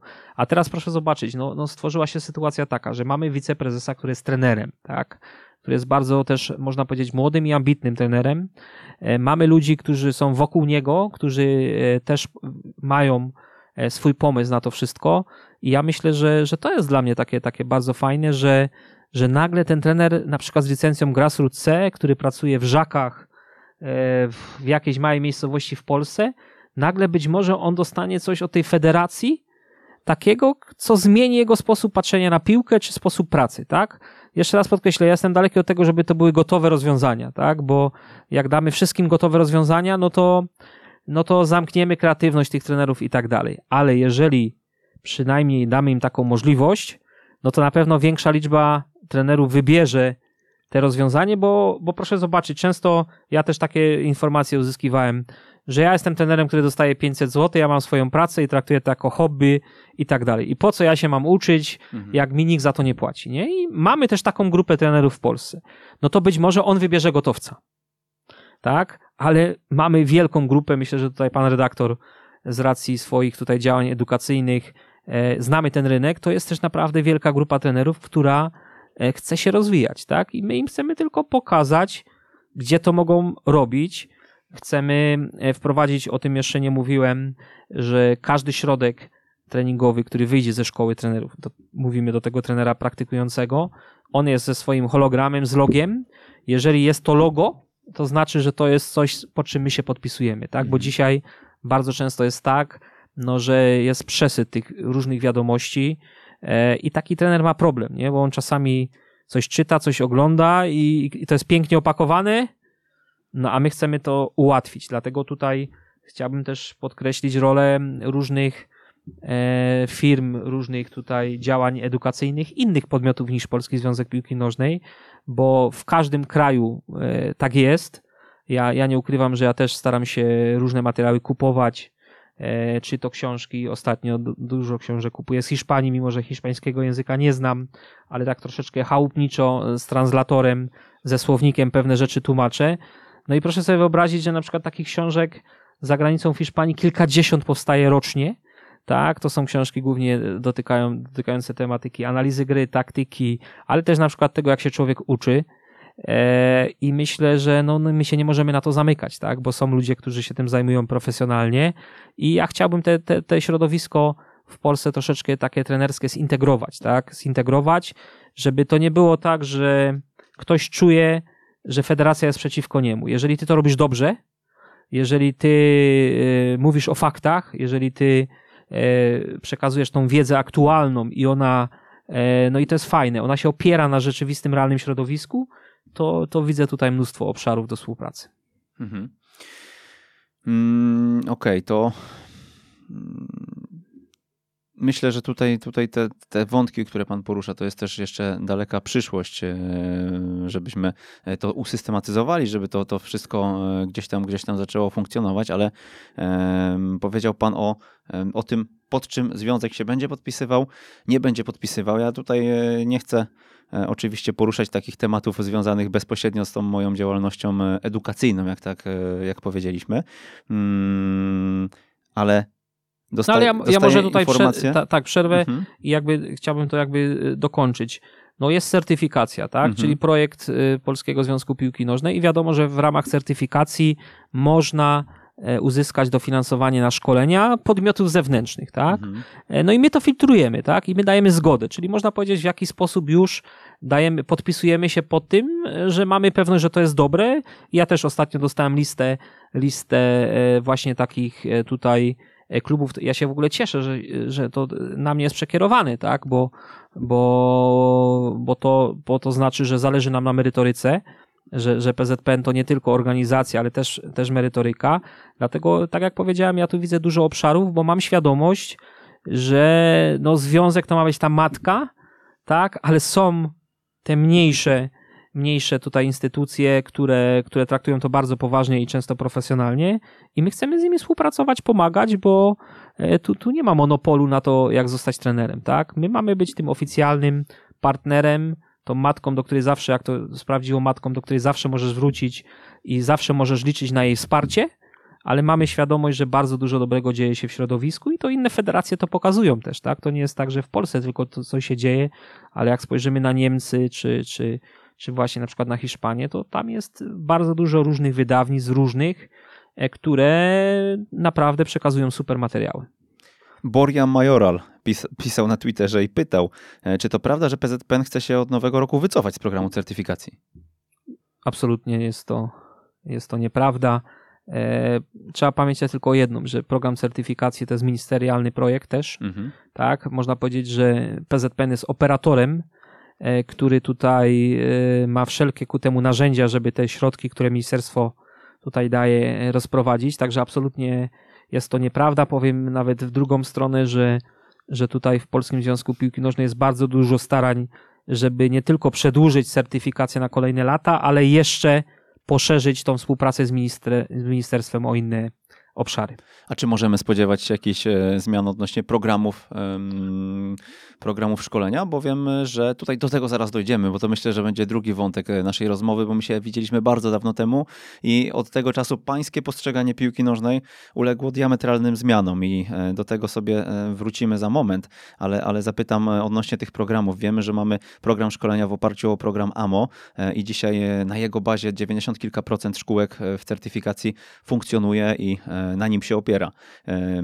No teraz w momencie, kiedy, kiedy mówimy znacznie szerzej o rozumieniu gry, e, jak, jak pan do tego podchodzi i czy tutaj możemy się spodziewać e, jakiś, jakiś, jakiś, jakiś korekt, jakichś e, zmian może hmm. większych? Myślę, że, że tak. Przede wszystkim dlatego, że trener Maciek Mateńko powołuje grupę trenerów z każdego województwa, tak, która, która będzie, będzie na pewno E, szukała też tego, jak to wygląda w innych federacjach. E, będzie to zintegrowane ze szkołą trenerów, także będziemy spotykać się razem. E, I z racji tego, że są nowi ludzie, tak? Pamiętajmy, że, że jeszcze czekają nas wybory, nie mamy dyrektora sportowego, tak? Polskiego Związku Piłki Nożnej, bo, bo, bo tutaj w tej chwili jest wakat na tym stanowisku. Także myślę, że jeszcze, jeszcze musimy poczekać kilka dni, kiedy, być może na zarządzie najbliższym tutaj e, zostaną pewne decyzje no, personalne. Ja, wiem, trenerze, że to będzie trener Dorna, także. No to pan to powiedział, nie ja. E, także ja mówię pomidor, e, ale tak, tak na poważnie teraz to jestem przekonany, że na pewno usiądziemy wreszcie wspólnie do okrągłego stołu. Wszystkie departamenty, tak, bo do tej pory oczywiście te rozmowy były, ale z mojego punktu widzenia, jako człowieka, który tam się kręcił wokół tego, no nie było nie było tego tak dużo, jak być powinno, tak? Czyli jakby nie było tego priorytetu, nadanemu temu priorytetu. A mamy, mamy świadomość tego, że są trenerzy, którzy monitorują certyfikację, mamy świadomość tego, że są kursy trenerskie, które też przekazują wiedzę. No i, i teraz najwyższa pora, żeby to zintegrować i żebyśmy wspólnie mówili jednym językiem. Ja jestem jakby spokojny o, o, o tematy, w które ja się zagłębiłem, czyli mówimy tutaj o rozumieniu gry, bo właśnie w tym rozumieniu gry te wszystkie elementy, na przykład, które są w programie AMO, one występują, tak? Bo jest podział na technikę na przykład, tak? Tylko chodzi o teraz nadanie priorytetom. W, w którym miejscu, od czego ta technika zależy, w jaki sposób ją można realizować, poprzez jakie formy. E, lepiej to można zrobić w oparciu na przykład o właśnie doświadczanie e, realnego środowiska. Dlatego e, będzie nam wtedy łatwiej ale na pewno zmiany tutaj w tym kontekście będą, tak? Także tutaj nie ukrywam, że już teraz można zaobserwować, że w certyfikacji coraz więcej pojawia się programów autorskich, tak? E, I tutaj to, to co tutaj też e, ekstra trener prowadzi szkolenia z fundamentów e, gry, tak? To też takie, takie programy w oparciu o fundamenty czy zasady gry pojawiają się i to jest, i to jest z naszej perspektywy też fajne, ale nie wykluczamy innych, innych tutaj rozwiązań. My po prostu chcemy to zintegrować, bo taka jest rola Polskiego Związku Piłki Nożnej. Certyfikacja e, nam się trochę tutaj e, włączyła e, do dyskusji, ale mm. wrócę do tego, o czym zacząłem, bo nasi słuchacze o to pytali mm. kilkukrotnie, czy mogą spodziewać się na naszym kongresie punktów do licencji, a ja zapytam inaczej, bo ja tego nie chcę usłyszeć, czy mogą, e, bo ja wiem, że mogą, e, jeżeli spełnimy e, pewne jakieś tam jakieś, jakieś zadania, które, które mhm. trzeba spełnić, ale ja zapytam, czy te zadania właśnie i to um, będzie z góry jakoś usystematyzowane, jak dzisiaj podmiot komercyjny, nazwijmy to brzydko, organizujący konferencję, może otrzymać punkty do licencji, bo tak jak mhm. e, no tutaj trener też śledzi pewnie nasze działania i wie, że wokół nas jest dużo ludzi, którzy nie jadą często po punkty, zresztą nigdy nie jeżdżą do nas po punkty, a mimo to e, no, rozwijają się na własną kieszeń i chcą to robić. No i pytanie, czy takie osoby no, muszą mieć gdzieś tam dodatkowe utrudnienie po drodze.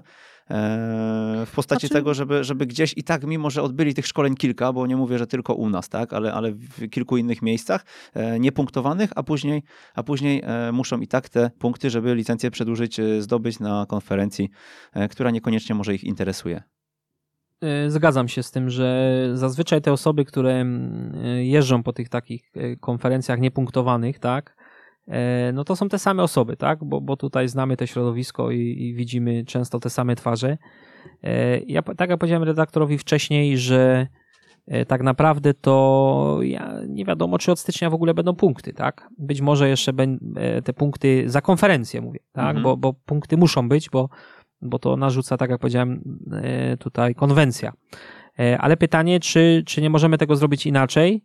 I ja bym jeszcze dzisiaj nie chciał powiedzieć, e, czy konferencja styczniowa będzie punktowana, bo to jest za wcześnie, ale na pewno, na pewno chcemy stworzyć taki standard, który pozwoli Wam e, zobaczyć, e, jak trzeba to zrobić, żeby te punkty dostać, tak? Mhm. I wtedy będzie nam łatwiej, bo znowu nie będzie tego tak dużo miejsca na tą subiektywną opinię, że ja to lubię, ale kolega nie lubi, nie?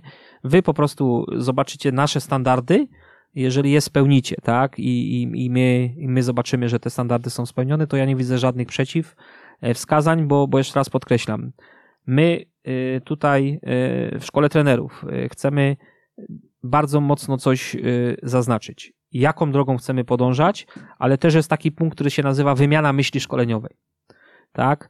I, I teraz właśnie chcemy trenerom pokazać, słuchajcie, tą drogą podążamy, bo ta droga jest prawdziwa, oparta, jeszcze raz podkreślę, o realne środowisko, ale są też inne drogi. Jest tam wiele, bardzo dużo rzeczy podobnych, e, ale jest też porcja ludzi, porcja materiałów pod tytułem wymiana myśli szkoleniowej. Ja podam przykład.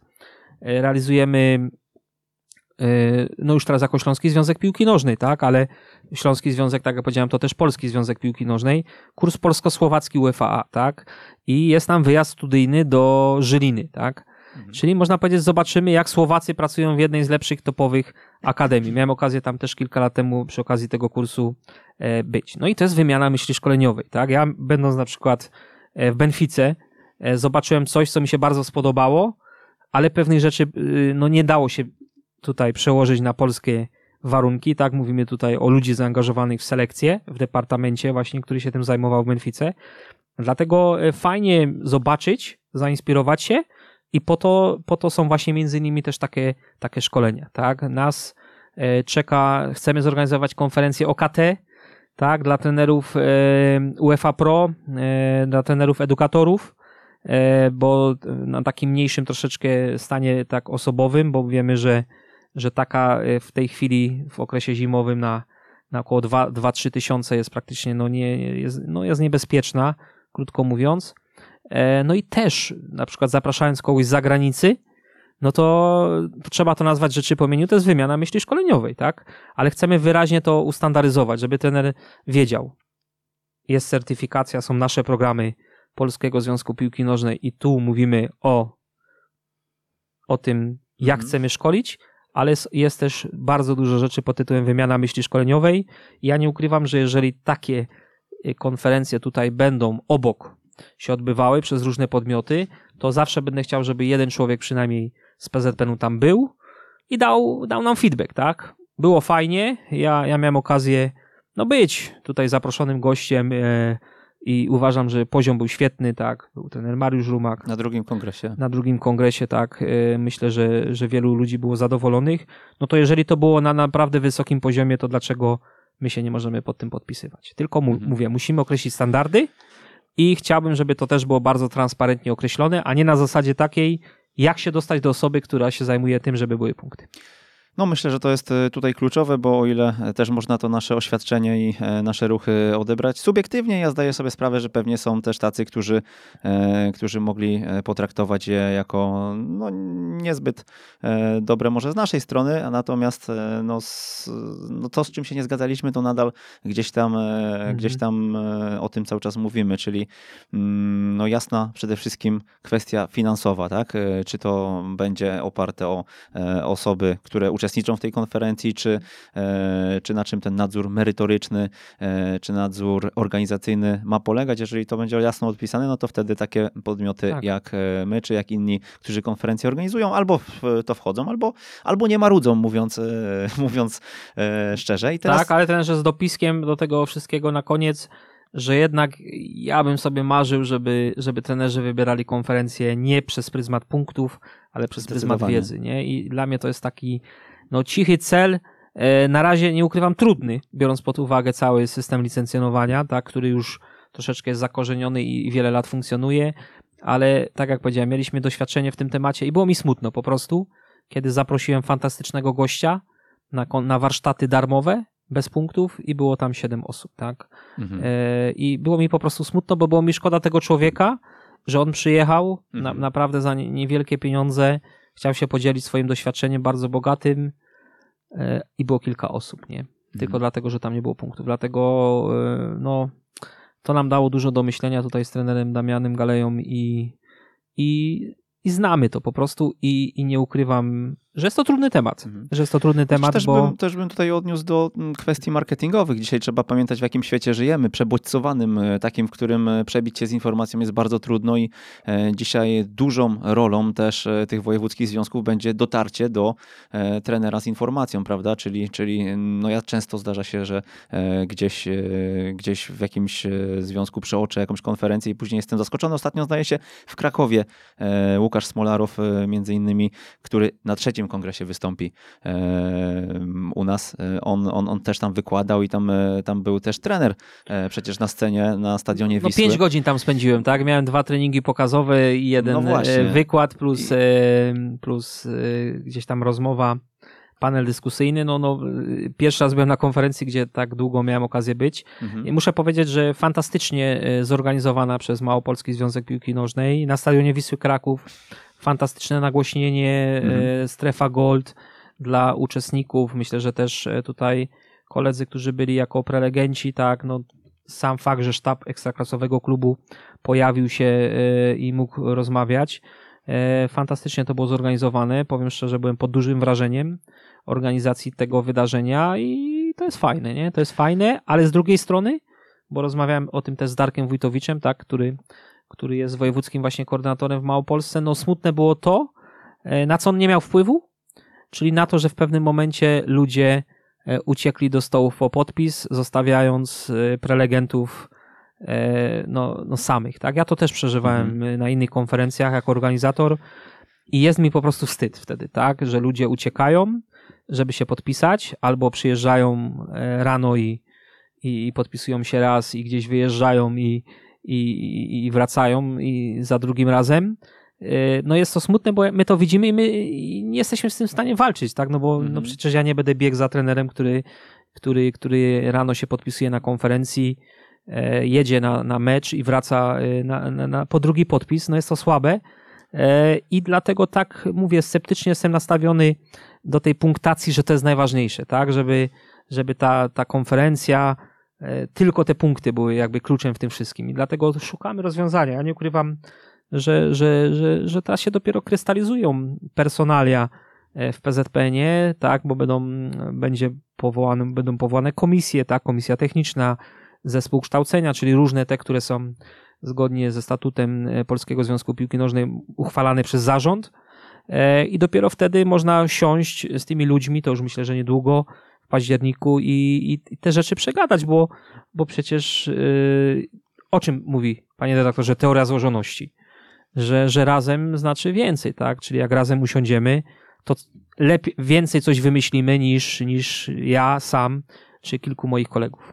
No tutaj ja w ogóle czasami się zastanawiam, czy, czy powinniśmy ścigać tych trenerów, którzy ro, robią to, o czym trener powiedział, no bo to jest e, w zasadzie, ja nie widzę trochę różnicy w tym, że e, ktoś siedzi na siłę i mm, przegląda telefon, tak? E, I tak nic nie słyszy, tak naprawdę nic do niego nie dociera, niż właśnie mm, te, w tym, że przyjeżdża rano, podpisuje się, potem przyjeżdża po drugi podpis i jedno i drugie jest bez sensu. Może dajmy mu Mm, od razu, dajmy mu od razu, niech się podpisze dwa razy, niech jedzie do domu i być może zostaną ci, którzy chcą, nie?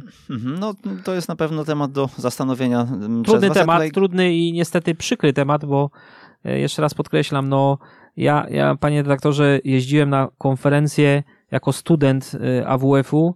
E, Wtedy nie miałem środków jakichś, e, jeździłem pociągiem, pamiętam i Chociaż czasami czasami też, też się zrzucaliście na paliwo, słyszałem. były, były też takie tutaj momenty, ale jakby do czego zmierzam. Pamiętam konferencję, gdzie byłem tak zmęczony, bo nie spaliśmy, nie było nas stać na jakiś nocleg wcześniej jako studentów i, i pojechaliśmy już chyba na drugi koniec Polski i, i po prostu ja, ja przespałem tą konferencję, nie? Przespałem, przespałem konferencję, bo byłem tak zmęczony, niewyspany. E, No były też takie momenty, pamiętam to do dzisiaj, E, ale jeszcze raz podkreślam, człowiek szukał, bo kiedyś było ciężko coś znaleźć, tak? A dzisiaj, dzisiaj jesteśmy na innym etapie. Dzisiaj musimy selekcjonować to, co jest najlepsze. No to ja też takie pamiętam na, do Warszawy na Football Conference. Pamię- Pamiętam, że wyjeżdżaliśmy o 1.40 Mhm. e, polskim busem i, e, i było podobnie. Było, było duże zmęczenie. Jeszcze wracając do tego wątku e, marketingu, ja myślę, że dzisiaj też dotarcie do tych trenerów jest też mega istotne i, Mhm. i tutaj ja właśnie bardzo żałowałem, że o tym Krakowie gdzieś nie usłyszałem. Dopiero gdzieś na Twitterze u trenera Smolarowa Mhm. już zdjęcie ze sceny zobaczyłem, tak? Czyli trochę za późno. Kończąc ten wątek, jaki macie na to pomysł, żeby, żeby, żeby tego nie robić poprzez konferencję? E, czyli jak te punkty mo, mogą w ogóle być zdobywane? Jakieś zadania do wykonania? Znaczy, no, no, tak jak powiedziałem, muszę mieć grupę ludzi, z którą chcę się spotkać, tak? Mhm. E, Nie rozmawialiśmy jeszcze na ten temat. Ja, ja sobie to tylko wypisałem jako dla mnie punkt zapalny, e, który w jakiś sposób trzeba ujednolicić. I czytając tylko konwencję, jeszcze raz podkreślę, że to, co mnie zdziwiło, że tam nie ma słowa, że to musi być konferencja, to jest doszkalanie trenerów w liczbie 15 punktów w skali 3 lat. Tak? I, i teraz trzeba się zastanowić, nie? Czy, czy nie można tego zrobić inaczej? I jeszcze raz podkreślę, ja sobie to zaznaczyłem jako punkt dla mnie ważny, ale no, y, musi być powołana grupa ludzi i wtedy myślę, że burzą mózgów, ty, czy, czy może nawet pan redaktor też może przy okazji jakichś felietonów, tak, y, zrobić też takie, takie zapytanie, zapytać słuchaczy też, bo mówię, razem znaczy więcej, także jeżeli być może też innych zapytamy, to, to wspólnie ustalimy coś, co będzie lepsze niż teraz, tak, bo szukamy rozwiązań, jeżeli się okaże, że nie ma lepszego rozwiązania, no to zostaniemy przy tym, co jest. Jeśli jakiś słuchacz ma plan i pomysł, e, piszcie. E, mnie łatwo znajdziecie w sieci, więc e, czekam na wiadomości i będę przekazywał w takim razie do PZPN-u. Mm, trenerze, to zapytam, mm, teraz przejdziemy do tego dużego wątku, o którym też na pewno inaczej. Był plan o tym pogadać, gdzieś ostatnie miesiące mocno trener też był zapracowany i trudno się było dodzwonić. To nie tylko Artur Skowronek miał problem, żeby się dodzwonić, bo, bo, bo my też gdzieś próbowaliśmy, ale rozumienie gry i pandemia. Jak to się stało, że trener Grycman w trakcie pandemii zrozumiał grę? Nie, no to myślę, że... Ja to tak trochę upraszczam, natomiast, e, natomiast no, no, za trochę, duże uproszczenie. Trochę był taki tak. przekaz, nie? Ja pamiętam, przyjechaliśmy we wrześniu na tak. pierwszy po pandemii mm, spotkanie na, w ramach kursu UFA, już jeden z ostatnich zjazdów moich e, w Katowicach. E, no i trener tak, tak, taki wręcz rozpalony zaczął nam opowiadać właśnie, słuchajcie, zrozumiałem, że błądziłem, zrozumiałem, że gdzieś tam popełnialiśmy duże błędy i, i teraz widzę to zupełnie inaczej. Yy, ten, że no, nie mogę powiedzieć, że wcześniej nie rozumiałem gry, tak, bo, bo to, to bym y, oczywiście, że skłamał, ale nie rozumiałem wielu rzeczy, które decydują o tym, e, jak funkcjonuje zawodnik e, w procesie treningowym. ja bym tutaj y, powiedział tak, że pandemia, no to było coś, co nas wszystkich spotkało, z czym się nigdy do tej pory nie zmierzyliśmy, bo nagle no nie mogliśmy wychodzić z domów. E, ja też będąc e, na, na, na funkcjach edukacyjnych, czy to na uczelni, czy to e, w związku, gdzie były kursy trenerskie, które nagle zostały zatrzymane, no i po prostu nie było co robić, tak? Nie było co robić. Ja no nie umiem siedzieć w domu i, i po prostu nic nie robić. Dlatego no, no stwierdziłem, że muszę to, ten, muszę ten jakby czas wykorzystać. No i tutaj zaczęła się edukacja poprzez webinary, poprzez książki z zagranicy, poprzez zakupy, poprzez spotkania też online tutaj naszych edukatorów e, na Śląsku, które gdzieś tam na Teamsie spotykaliśmy się, rozmawialiśmy. U nas już coś wcześniej się rodziło, tak? My już wcześniej zaczęliśmy właśnie więcej o tym mówić, ale to tak jeszcze było troszeczkę w powijakach, jeszcze mało to wszystko e, jakoś tam nie funkcjonowało. Ja nie ukrywam, że ja w momencie, kiedy zakończyłem pierwszą książkę, E, wraz z doktorem Szyngerą, e, którą wydaliśmy w grudniu 2016 roku, e, to no, otworzyłem kolejny zeszyt, gdzie zapisywałem sobie swoje myśli, takie, które gdzieś mnie zawsze tam natknęły. Czasami to było w nocy, bo zawsze tam ten zeszycik mam przy, przy łóżku, w sypialni, tak, i czasami jest naprawdę, że o drugiej w nocy coś mi gdzieś tam wpadnie i po prostu sobie zapisuję tą myśl i muszę powiedzieć, że E, było tam troszeczkę już tych notatek, które się pojawiły już od kilku lat. E, I teraz był taki moment, kiedy zaczęliśmy jako wojewódzcy edukatorzy spotykać się na Teamsie i zajęliśmy się prezentacjami na kursy trenerskie, tak? E, no i nagle pojawiły się dylematy. Nie? No, no podam przykład, podanie piłki, nie? Czy to jest działanie indywidualne, czy to jest działanie grupowe, tak? Skoro, skoro współdziała przynajmniej dwóch ludzi, no to jest działanie grupowe, ale ja się całe życie uczyłem, że to jest działanie indywidualne, tak? Z drugiej strony odbiór piłki. Czy to jest działanie, czy to jest cel gry, tak? Bo jeżeli powiem e, komuś, kto idzie e, i zna się na piłce e, jako kibic i powie, czy jeżeli ja powiem takie zdanie, moim celem jest odbiór piłki, to powiem prawdę, tak? A jeżeli powiem, moim celem jest odbiór piłki i w tym celu podejmuję jakieś działanie, no to też powiem prawdę, tak? I wiele takich wątków się pojawiło e, i to jakby mi pokazało, że muszę troszeczkę wyjść z tego takiego szablonu, w którym się wychowałem, jako człowiek, który e, uczył się piłki nożnej i na uczelni, i na kursach trenerskich. E, no i tak narodził się temat właśnie tych wszystkich webinarów, tego, tego czytania. No i bardzo szybko gdzieś tam, można powiedzieć, że już w marcu rozpocząłem pracę nad nową książką. E, I, I wtedy się to cały czas rozjaśniało, tak? Rozjaśniało i myślę, że dzisiaj mogę z pełną odpowiedzialnością powiedzieć, że oczywiście to nie jest tak, że e, ja tutaj nagle rozumiem grę, a inni nie rozumieją, nie? Bo, bo nie chciałbym, żebyśmy popadali w jakieś tutaj skrajności. Bo zawsze e, wejdziemy w jakieś detale, tak? Być może na których ja nie jestem na, na czasie, tak? Zachowania specyficzne dla danej pozycji jakiegoś zawodnika, i tak dalej. Ale rozumiem mechanizm. Mechanizm, który funkcjonuje w kontekście zawodnika, tak? I, i, i widzę te deficyty na kursie trenerskim, tak? E, no podam prosty przykład. Dzisiaj mamy egzamin kursu Elidut A i trener stosuje środek treningowy.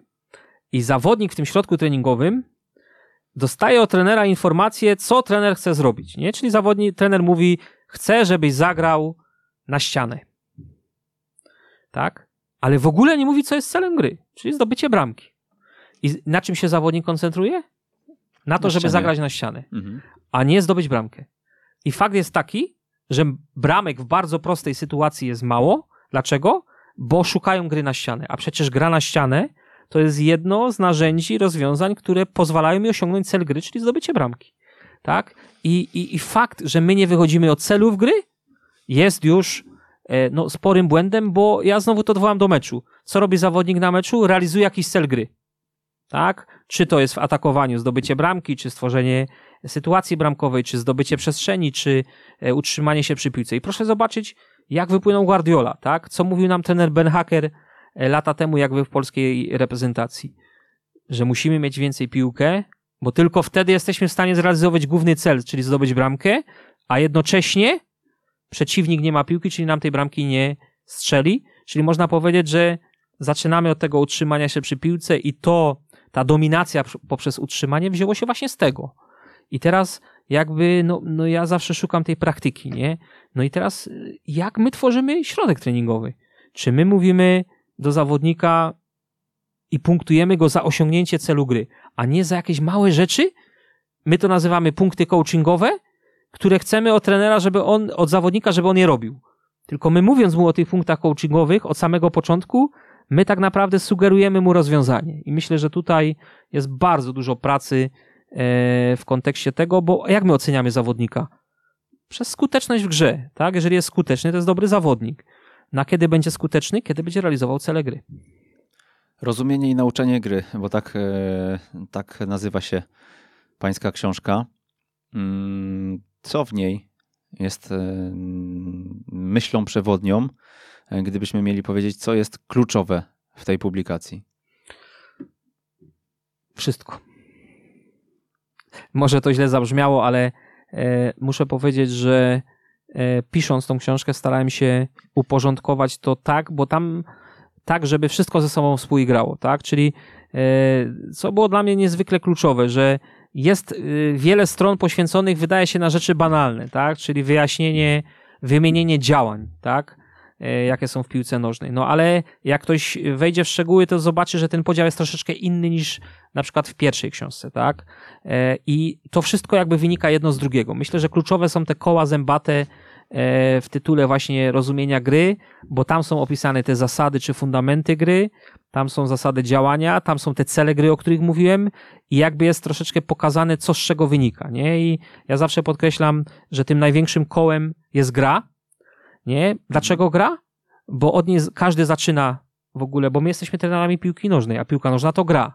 Czyli można uprościć, jesteśmy trenerami od gry. Tak, bo piłka nożna to gra. I pytanie, czy w ostatnich latach nie zaczęliśmy się zajmować innymi rzeczami wokół gry. Tak, GPS-y, różne inne rzeczy, oczywiście, które są też ważne. Tylko pytanie, czy one są ważniejsze od tej gry. I teraz proszę zobaczyć, że w tej grze co jest? Gra już z samej definicji to jest realne środowisko. Czyli najnowsze dokonania nauki dotyczące tego, jak tworzyć, czyli jak tworzyć e, zasady tworzenia tego środowiska, tak? Czyli tam jest zasada realności, czyli ta reprezentatywność, tam jest zasada zmienności, to żeby każda e, różnicować te sytuacje, tam jest ta złożoność, e, tam jest właśnie e, te, tam są te intencje, czyli żeby zawodnik wiedział, e, co robi, tak, po co to robi. Czyli tak naprawdę można powiedzieć, że w tej grze, w tym największym kole są te wszystkie zasady tworzenia realnego środowiska, bo to jest kluczowa zasada, kiedy ty trener możesz powiedzieć, grasz jak trenujesz. No i potem teraz trzeba wiedzieć, co jest w tej grze. No najpierw osiągam cele, ale żeby osiągnąć cel, muszę dać zawodnikowi co? Te fundamenty, czy te zasady, czyli te ułatwienia, które mu pozwalają osiągnąć ten cel gry, ale żeby osiągnąć cel gry, zawodnik musi podjąć działania, tak? Tylko te działania nigdy nie będą skuteczne, jeżeli zawodnik nie będzie wychwytywał e, tych informacji z gry, tak? Nie będzie znał zasad, które mu ułatwią, czyli nie będzie znał tej instrukcji do gry no i nie będzie identyfikował tych celów gry, tak? Dlatego e, wydaje mi się, że to jest uporządkowane w tej książce i, i, i naprawdę z tego tematu jestem dumny. I taka ciekawostka, tak? Bo e, no wiele się mówi o poprzedniej książce, oczywiście jako Biblia i tak dalej. E, I ja też jestem zdania, że jest tam naprawdę wiele dobrego, ale ktoś złośliwy może zauważyć pewne nieprawidłowości, że tu jest tak, w pierwszym rozdziale jest tak, a na przykład w trzecim rozdziale jest troszeczkę już to wszystko izolowane, tak? Mhm. E, a gdzieś na początku piszemy o tym właśnie nowoczesnym podejściu. A teraz tutaj absolutnie e, w drugiej pozycji jest to wszystko e, uporządkowane i proszę mi wierzyć, że, że mnie jest zdecydowanie łatwiej teraz tą wiedzę w jakiś sposób przekazywać, bo nie ma polemiki.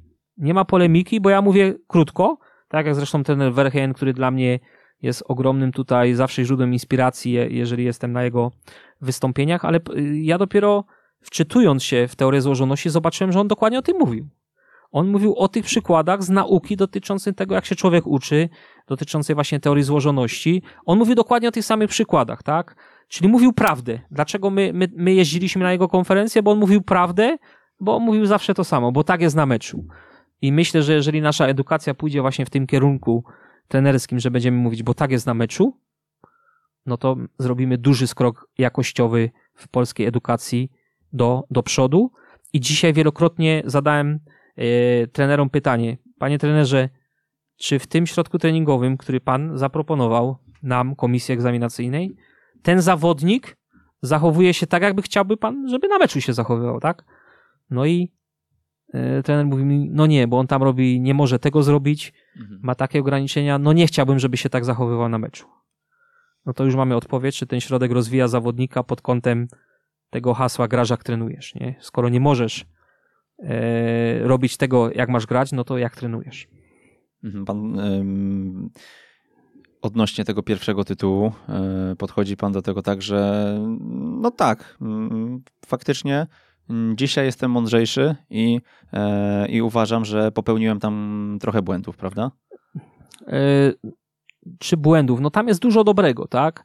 Tam jest dużo dobrego e, i ja bym nie, nie powiedział, że tam są błędy, bo pisaliśmy to razem z doktorem Szyngierą i myślę, że jak na tamten czas naprawdę to była bardzo ciekawa pozycja, ale ja myślę, że to pokazało, jak te pięć lat zmieniło postrzeganie treningu piłki nożnej, tak? Jak wiele się zmieniło. Aczkolwiek to zależy też, gdzie, gdzie byśmy mm, przyłożyli ucho, no bo mm. To, o czym e, teraz, teraz czytamy w nowej książce, to też nie jest temat ostatniego roku, prawda, który wypłynął na świecie. Oczywiście on się stał mocno, e, znacznie bardziej popularny, natomiast e, no, gdybyśmy się cofnęli o te kilka lat, to pewnie w Hiszpanii czy w Portugalii byśmy Oczywiście. do tych samych nauk dotarli, czy Możemy w Radę, powiedzieć, że tam, że tam już jest kilkadziesiąt lat, tak? Kilkadziesiąt mhm. lat, kiedy się mówi o tym. Ja nie ukrywam, że mnie bardzo inspirował właśnie tutaj spojrzenie hiszpańskie, bo myślę, że na temat periodyzacji taktycznej tutaj y, właśnie, czy, czy w, u was tutaj tak jest?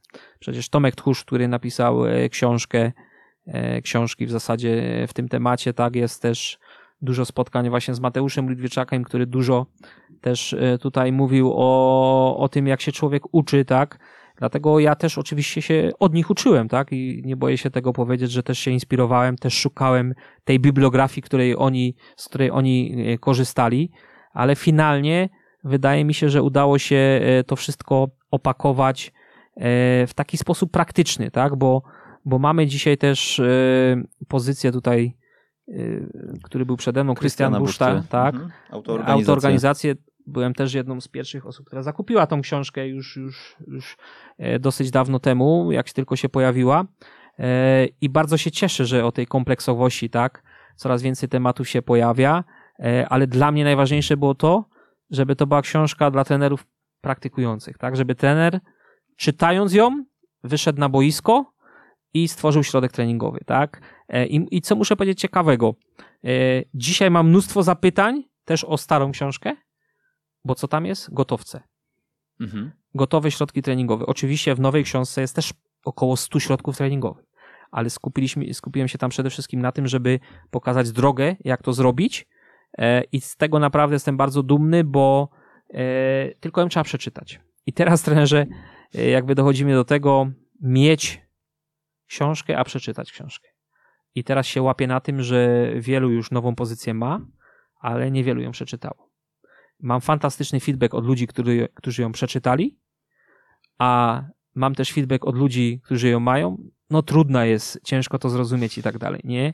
E, no, no i, i pokazuje mi, czy, czy tam e, autograf daje, patrzę, a ona chyba, nie wiem, czy trzy, trzy razy była otwarta i tak dalej, nie? Dlatego ja myślę, że teraz dochodzimy znowu do takiego punktu pod tytułem, czy trener jest w stanie zmienić siebie w postrzeganiu treningu piłki nożnej? U mnie to nastąpiło i proszę mi wierzyć, jak tak rozmawialiśmy z naszymi trenerami, edukatorami, to jeżeli się zmienimy i zobaczymy tą prawdziwą stronę, tą realną stronę piłki, treningu piłki nożnej, to nie jest to wszystko, co jest wyizolowane, to wręcz gdzieś cię gryzie, tak? I wtedy oczywiście są to rozmowy o formie, o formie ścisłe. E, ja na przykład w Krakowie na tym panelu dyskusyjnym pierwsze pytanie, jakie dostałem, takie, które zawsze dostaję, no to co z tą formą ścisłą, tak? E, no i i ja mówię, zachęcam do literatury, proszę poczytać. Taką rozmowę sam ze sobą tam przeprowadzi, przeprowadziłem, można powiedzieć, na temat formy ścisłej. E, ale jakby do czego zmierzam? No to, nie... to już proszę pociągnąć ten wątek. Już, nie, no nikt... Ktoś, kto nie był w Krakowie, żeby tego nie przegapił. Nie, no chodzi tylko i wyłącznie o proporcje, tak? Mhm. E, ja myślę, że w Polsce został popełniony błąd, że my zaczęliśmy od formy ścisłej i całe, całe życie mówiliśmy najpierw forma ścisła, a jak potrafisz, to dopiero potem gry. Nie, no ale jak jedziemy do Hiszpanii czy Portugalii, to widzimy zupełnie na odwrót. Dzieci grają, grają, grają, a potem, żeby poprawić jeszcze te narzędzia, żeby wyeksponować pewne rzeczy, oczywiście pojawia się forma ścisła, no bo w formie ścisłej jestem w stanie wiele rzeczy wyeksponować, wejść w jakieś detale, ale najpierw ja muszę rozumieć, y, kiedy to zrobić na boisko, tak? Bo forma ścisła, e, co nam daje? Mówi nam, jak coś mamy wykonać, ale nigdy nie daje nam odpowiedzi, gdzie to zrobić na boisku, kiedy i dlaczego to robię. I to nam daje realne środowisko. Także myślę, że e, po prostu taki trener, który wchodzi w polemikę teraz, no nie ma argumentów, ale jeszcze raz podkreślam e, i też mogę to z pewną odpowiedzialnością powiedzieć, że jeżeli chodzi o kursy trenerskie, e, to, my, to nie jest tak, że my powiemy, że forma ścisła już nie może być w konspekcie, tak? Oczywiście może być, ale na pewno trener będzie miał dużo trudniej się obronić i na pewno będzie musiał pokazać, że ta forma ścisła ma te narzędzia, którymi będą potrzebne w grach pomóc w jakiś sposób zaakcentować e, i troszeczkę wyolbrzymić e, właśnie w tej formie ścisłej. Chcemy, żeby to była oczywiście forma ścisła otwarta, żeby tam była decyzja e, i myślę, że tutaj też warto o tym dużo mówić i chcemy to wyraźnie pokazać.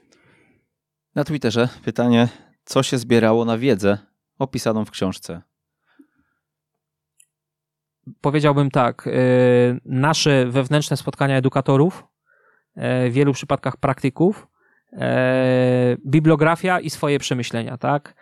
Ja, panie redaktorze, mam swoje notatki, swoje konspekty zespołów, które prowadziłem, tak? Oczywiście niektórzy przylepili mi łatkę teoretyka, no bo zawsze hejt mile widziany. Ja wiem, ile prowadziłem treningów, E, e, były, były takie tygodnie, że prowadziłem po trzy drużyny. E, oczywiście było to słabe, ale, ale był taki moment w moim życiu. I dzisiaj starałem się to zawsze dokumentować, no, konspektami, tak? I, I zastanawiałem się, dlaczego to tak jest, że ja się tak czasem przykładam do treningu. On jest taki piękny, metodyczny, no ale tych wychowanków jest tak mało, tak? Tych zawodników, którzy grają na najwyższym poziomie. I, i myślę, że dzisiaj dzisiaj sięgając e, do tego, co robiłem kiedyś jako trener, e, no e, mówię sobie tak, starałem się jak najbardziej mogłem, ale wiem, że były w tym ogromne rezerwy. No i chciałbym, żeby dzisiaj trenerzy, ja będąc po tej drugiej stronie, czyli już nie trenera, który codziennie wychodzi na trening, ale stara się inspirować innych, no staram się im po prostu to ułatwić, żeby oni nie szukali tak jak ja wtedy szukałem i błądziłem, tylko mieli to poparte no, tą realnością, nie? I, i proszę mi wierzyć, że jest nam wtedy wszystkim zdecydowanie łatwiej. Także myślę, że odpowiadając na te pytanie, przede wszystkim e, rozmowa z trenerami i praktykami, ale też bardzo dużo bibliografii, bardzo dużo tutaj zagranicznej literatury, bo nie oszukujmy się, ja się też dziwię, e, taki wątek krótki, wzięliśmy przygotowania motoryczne od Amerykanów, tak, których kiedyś Remek Rzepka sprowadził tutaj e, do Katowic, na szkolenia, to byli ty, tych, których wypaczył Klinsmann będąc w Stanach Zjednoczonych i nagle cała Polska zaczęła robić stabilizację, tak? różne rzeczy z, od tych, którzy to robią najlepiej na świecie, no to dlaczego, skoro wiemy, że e, na przykład na Półwyspu Iberyjskim lepiej grają w piłkę od nas, dlaczego tam nie szukamy przynajmniej inspiracji? Tak? I, i ja, ja tam szukam inspiracji i, i, i wydaje mi się, że teraz zdecydowanie łatwiej e, spoglądać na to wszystko, kiedy już o tym wiesz. Mm, to zapytam jeszcze, jak się pan odnosi do uwag mm, względem tego, że pominął pan e, w podziękowaniach na przykład trenera Śledzia, on o tym publicznie powiedział, e, e, czy przypisywanie sobie zasług mm, tego, że ekipa deduktora do Polski sprowadziła rozumienie gry, a to wszystko w cudzysłowie mówię oczywiście, mhm. no ale, ale, ale tak jak i trener Śledź i wyjazdy studyjne do Rakowa to było coś, co, co, co też było na pewno bardzo dużą wartością tutaj dla, dla Pana. Tak ekipa deduktora mm, w tym Waszym śląskim mm, śląskim środowisku pewnie też wpłynęła na postrzeganie piłki przez Pana. No i dzisiaj nawet na Instagramie mm, dostałem takie pytanie nie jest, nie uważam, że, tutaj cytuję, nie uważam, że jest to zła osoba na to stanowisko, wręcz przeciwnie, to dobry fachowiec, ale akurat w tej sytuacji to zachowanie było bardzo słabe. Mhm. E, no chciałbym, żeby e, przede wszystkim powiedzieć, jakie zachowanie, bo nie wiem o, co, o czym mówimy, ale panie redaktorze, e, może zróbmy inaczej. Teraz ja będę redaktorem mhm. i zapytam tutaj człowieka, który był na wyjaździe studyjnym w Rakowie Częstochowa, który przeczytał moją książkę co było w książce Rozumienie nauczanie gry wyciągnięte z Rakowa Częstochowa? No ja myślę, że e, interpretacja czy centrum gry, czy zasad gry jest e, inna Zupełnie niż inna. w Rakowie. Natomiast. E, natomiast no, doszedł pan do tego też pewnie poprzez wiele rozmów, które gdzieś kształtowały to.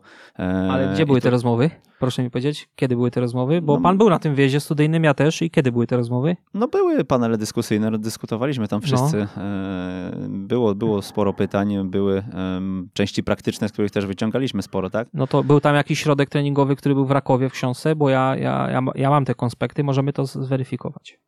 Mhm. Czyli e, nie, odnosi się, nie odnosi się pan do tego jakoś negatywnie? Yy, no, dlatego mówię, jeżeli ktoś e, w jakiś sposób mnie atakuje publicznie, tak, i mówi, że ja z czegoś skorzystałem, no to po pierwsze, najpierw trzeba przytoczyć konkrety. Oczywiście, że to, w jaki sposób dyrektor śledź organizuje pracę w akademii, tak, uważam, że robi to fantastycznie tak? I, I, widzę to po trenerach, którzy są na kursach trenerskich, tak? Że oni też inaczej patrzą.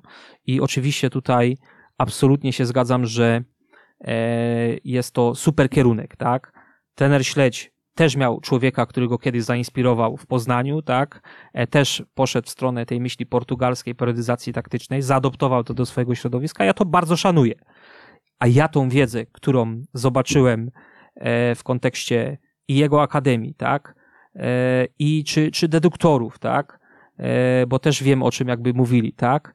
Dla mnie to też była, było źródło inspiracji, ale ja to sobie przełożyłem na swój sposób, tak? Bo nikt nie może powiedzieć, że centrum gry to jest to samo, co e, w, w, w tym modelu portugalskim. To jest zupełnie inne spojrzenie i muszę powiedzieć, że będąc na tym wyjeździe studyjnym z trenerem Januszem Kowalskim, my sobie porównywaliśmy, jak to jest, bo my już mieliśmy swoje, jak to wygląda z tym. I stwierdziliśmy, że u nas jest to bardziej dostępne, proste dla zawodnika i dla trenera, tak? My sobie to po prostu porównywaliśmy, konfrontowaliśmy. Ale uważam, że e, no to ja bym musiał w tym momencie podziękować każdemu, z, z kim mówiłem o piłce nożnej, tak? E, i, I ja tutaj jakby jeszcze raz podkreślam, bardzo cenię dyrektora Śledzia, ale nie zgodzę się z tym, że, że muszę tutaj za coś dziękować, bo musiałbym wtedy podziękować zdecydowanie większej grupie ludzi. Ja podziękowałem tym, którzy ze mną pracowali, czyli dałem bibliografię, dałem ludzi, którzy mi pomagali cały czas. Ja myślę, że wiele osób nawet nie wiedziało, że ja piszę książkę, tak, bo też jakby trzymaliśmy to do samego końca, nie powiem, że w tajemnicy, ale nie chwaliliśmy się tym.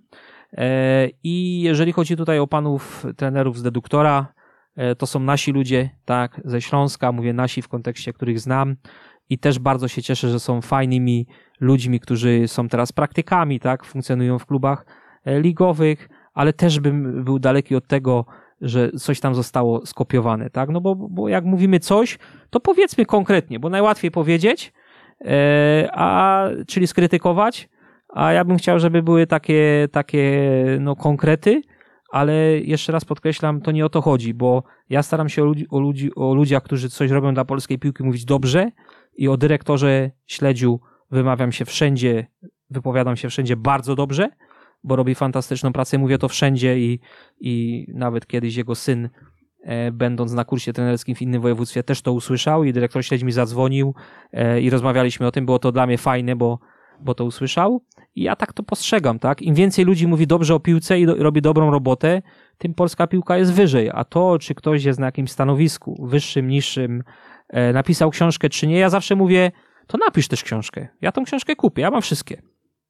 Ja, ja, ja, ja to, co jest na polskim rynku z punktu widzenia literatury, oczywiście dotyczącej treningu piłki nożnej, mam wszystko.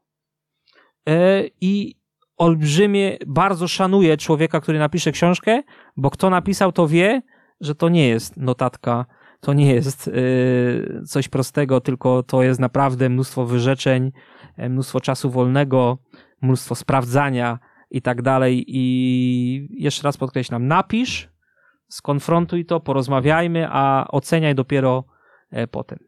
Ja myślę, że musicie wszyscy e, usiąść na jakąś kawę i podyskutować. Nie ma z tym e, żadnego problemu. Ja w ogóle nawet nie czuję, powiem szczerze, absolutnie żadnego konfliktu tutaj, bo myślę, że... no ja i... wywołuję też to, co, co e, tak. wybrzmiało u nas, więc też się poniekąd czuję odpowiedzialny za to, że to wybrzmiało, więc nie, zakop... mm nie mhm. wrzucajmy tego pod dywan. Mm -hmm. Inna sprawa, że też pytało o tym, to, to kilka osób, no bo wiadomo, że ci, którzy nas słuchają i śledzą, e, mieli e, pewnie ze zdaniem trenera śledzia e, mm do czynienia. Zresztą, zresztą no tak jak mówię, ja myślę, że generalnie no, za mało mamy dobrych ludzi w Polsce, żeby w oparciu o jakieś personalne konflikty rezygnować e, albo mm, nadawać na jakichś innych falach. Takie jest moje zdanie. I... Tak, panie redaktorze, ale my się znamy też e, gdzieś tam od czasu kursu, można powiedzieć, trenerskiego. No, no musi się pan zgodzić, że ja nie jestem chyba człowiekiem konfliktowym. E, jakoś nie, nawet trudno mi znaleźć człowieka, z którym bym mógł powiedzieć, że mam jakąś tutaj wojnę E, prowadzę, bo, bo szczerze to, to uważam, że no dzisiaj, dzisiaj byłem blisko Białorusi i był tam stan wyjątkowy i nas sprawdzali, jak jechaliśmy do hotelu, to może tam była gdzieś e, bardziej napięta atmosfera, ale proszę mi wierzyć, że no po co nam to jest do życia potrzebne, tak? E, no, dla mnie zawsze piłka była bardzo ważna. Chcę, mam teraz możliwość, żeby pewne rzeczy być może ustandaryzować i żeby weszły na wyższy poziom i mnie to nieprawdopodobnie napędza do przodu, tak? Bo, bo pan redaktor ma swoje możliwości jako redaktor, jako trener, e, jako człowiek, który bardzo mocno tutaj też e, jest w edukację trenerską na co dzień zaangażowany. Ja też mam swoje możliwości i ja do tego podchodzę, jeszcze raz to podkreślę dzisiaj bardzo mocno. Jeżeli my się dogadamy, tak, czyli będziemy mówić o piłce podobnie, bo uważam, że że trzeba się odnosić do faktów i wtedy będziemy mówić podobnie, no to proszę mi wierzyć, że więcej ludzi zarazimy, tak jak tym koronawirusem, tym, tą pasją do piłki, tym, żeby tworzyć te realne środowisko. I ja już to widzę, tak? Ja już widzę wielu trenerów, u wielu trenerów fantastyczny feedback, nie na zasadzie takiej, bo ktoś mi ostatnio zadał pytanie, czy się coś zmieni teraz? Bo co z tą grupą trenerów, która pracuje jeszcze zupełnie inaczej, nie? W sposób wyizolowany. A ja, ja odpowiadam w ten sposób. Im więcej trenerów będziemy mieć z tym nowym spojrzeniem, takim świeżym, aktualnym, popartym nauką, czyli jak się człowiek uczy, jak nauczać, e, to w pewnym momencie ten zawodnik tego doświadczy i jak on trafi do tego innego trenera, to on tam, on, on tam nie będzie chciał być, nie? I, i wtedy ci, ci trenerzy no, sami przyjdą i takie już mam też, e, takie mam już też informacje, tak, że zawodnicy e, no chcą czego? No chcą tego, co jest prawdziwego, czyli gry tak? Ale ja bym nie chciał ułatwiać, że my teraz mamy tylko grać, bo to jest kolejny hejt, z którym się spotykam, że teraz tylko będziemy grać, czyli tak jak w latach 70., 80. Nie. My teraz będziemy się zajmować tym, jak grać, żeby uczyć. Tak? A to, to nie ma nic wspólnego z tym starym podejściem, które mówiło gramy, tam są gry motoryczne, tam małe gry, to tam musi być wojna. Nie, my chcemy w tej małej grze już uczyć, a jednocześnie chcę podkreślić, że te małe gry to zawsze było mniejsze zło niż ta forma ścisła, która w pewnym momencie nad nami bardzo mocno zapanowała. Zostawmy ją, nadajmy jej odpowiednie proporcje i pokażmy, kiedy ją i gdzie można robić. Mhm. To ja pociągnę wątek jeszcze personalny. Jakie, e, jakich e, twarzy się możemy tam spodziewać? Kim się pan będzie chciał otoczyć, ale może nie z nazwisk, mhm. a chociaż nazwiska też za chwilę jeszcze będę musiał jakieś Nie podam, nie podam, bo tak jak powiedziałem, dopiero szereg spotkań jest przede mną. Ja miałem wiele telefonów ludzi, których też wcześniej E, znałem na przykład tylko z telewizji, czy, czy z, e, z oglądania spotkań e, w telewizji. Takie zaskakujące niektóre były telefony, ale jeszcze raz podkreślę, no to, to jest proces, tak? To jest proces i ja bym nie chciał dzisiaj nazwisk użyć, ale mogę na pewno powiedzieć, że jesteśmy otwarci. Ja jestem kilka dni w tygodniu w Warszawie. Muszę powiedzieć taką ciekawostkę, prezes Mateńko, jak tylko się widzimy w Warszawie, to on praktycznie cały czas ma spotkania ludzi, którzy próbują mu przedstawić jakąś wizję, tak? On jest na tyle, myślę, fajnym, uczciwym człowiekiem, że chce każdego wysłuchać e, i myślę, że to jest coś, czego wcześniej nie było, tak? W Polskim Związku Piłki Nożnej, że przychodzili ludzie, przedstawiali swoją koncepcję, ale też trzeba pamiętać, no, że ograniczenia e, w kontekście zatrudnienia i przede wszystkim pracy, no, no, no to, to pewnych rzeczy nie jesteśmy w stanie przeskoczyć, nie? I ktoś ma fajny pomysł i mówi, ja to zrobię, bo ja wiem, no ale my też mamy ludzi już, którzy y, wiedzą, jak pewne rzeczy robić. Także też departamenty, koordynatorzy funkcjonują i moim zdaniem widzę teraz, że można to fajnie połączyć. Mhm.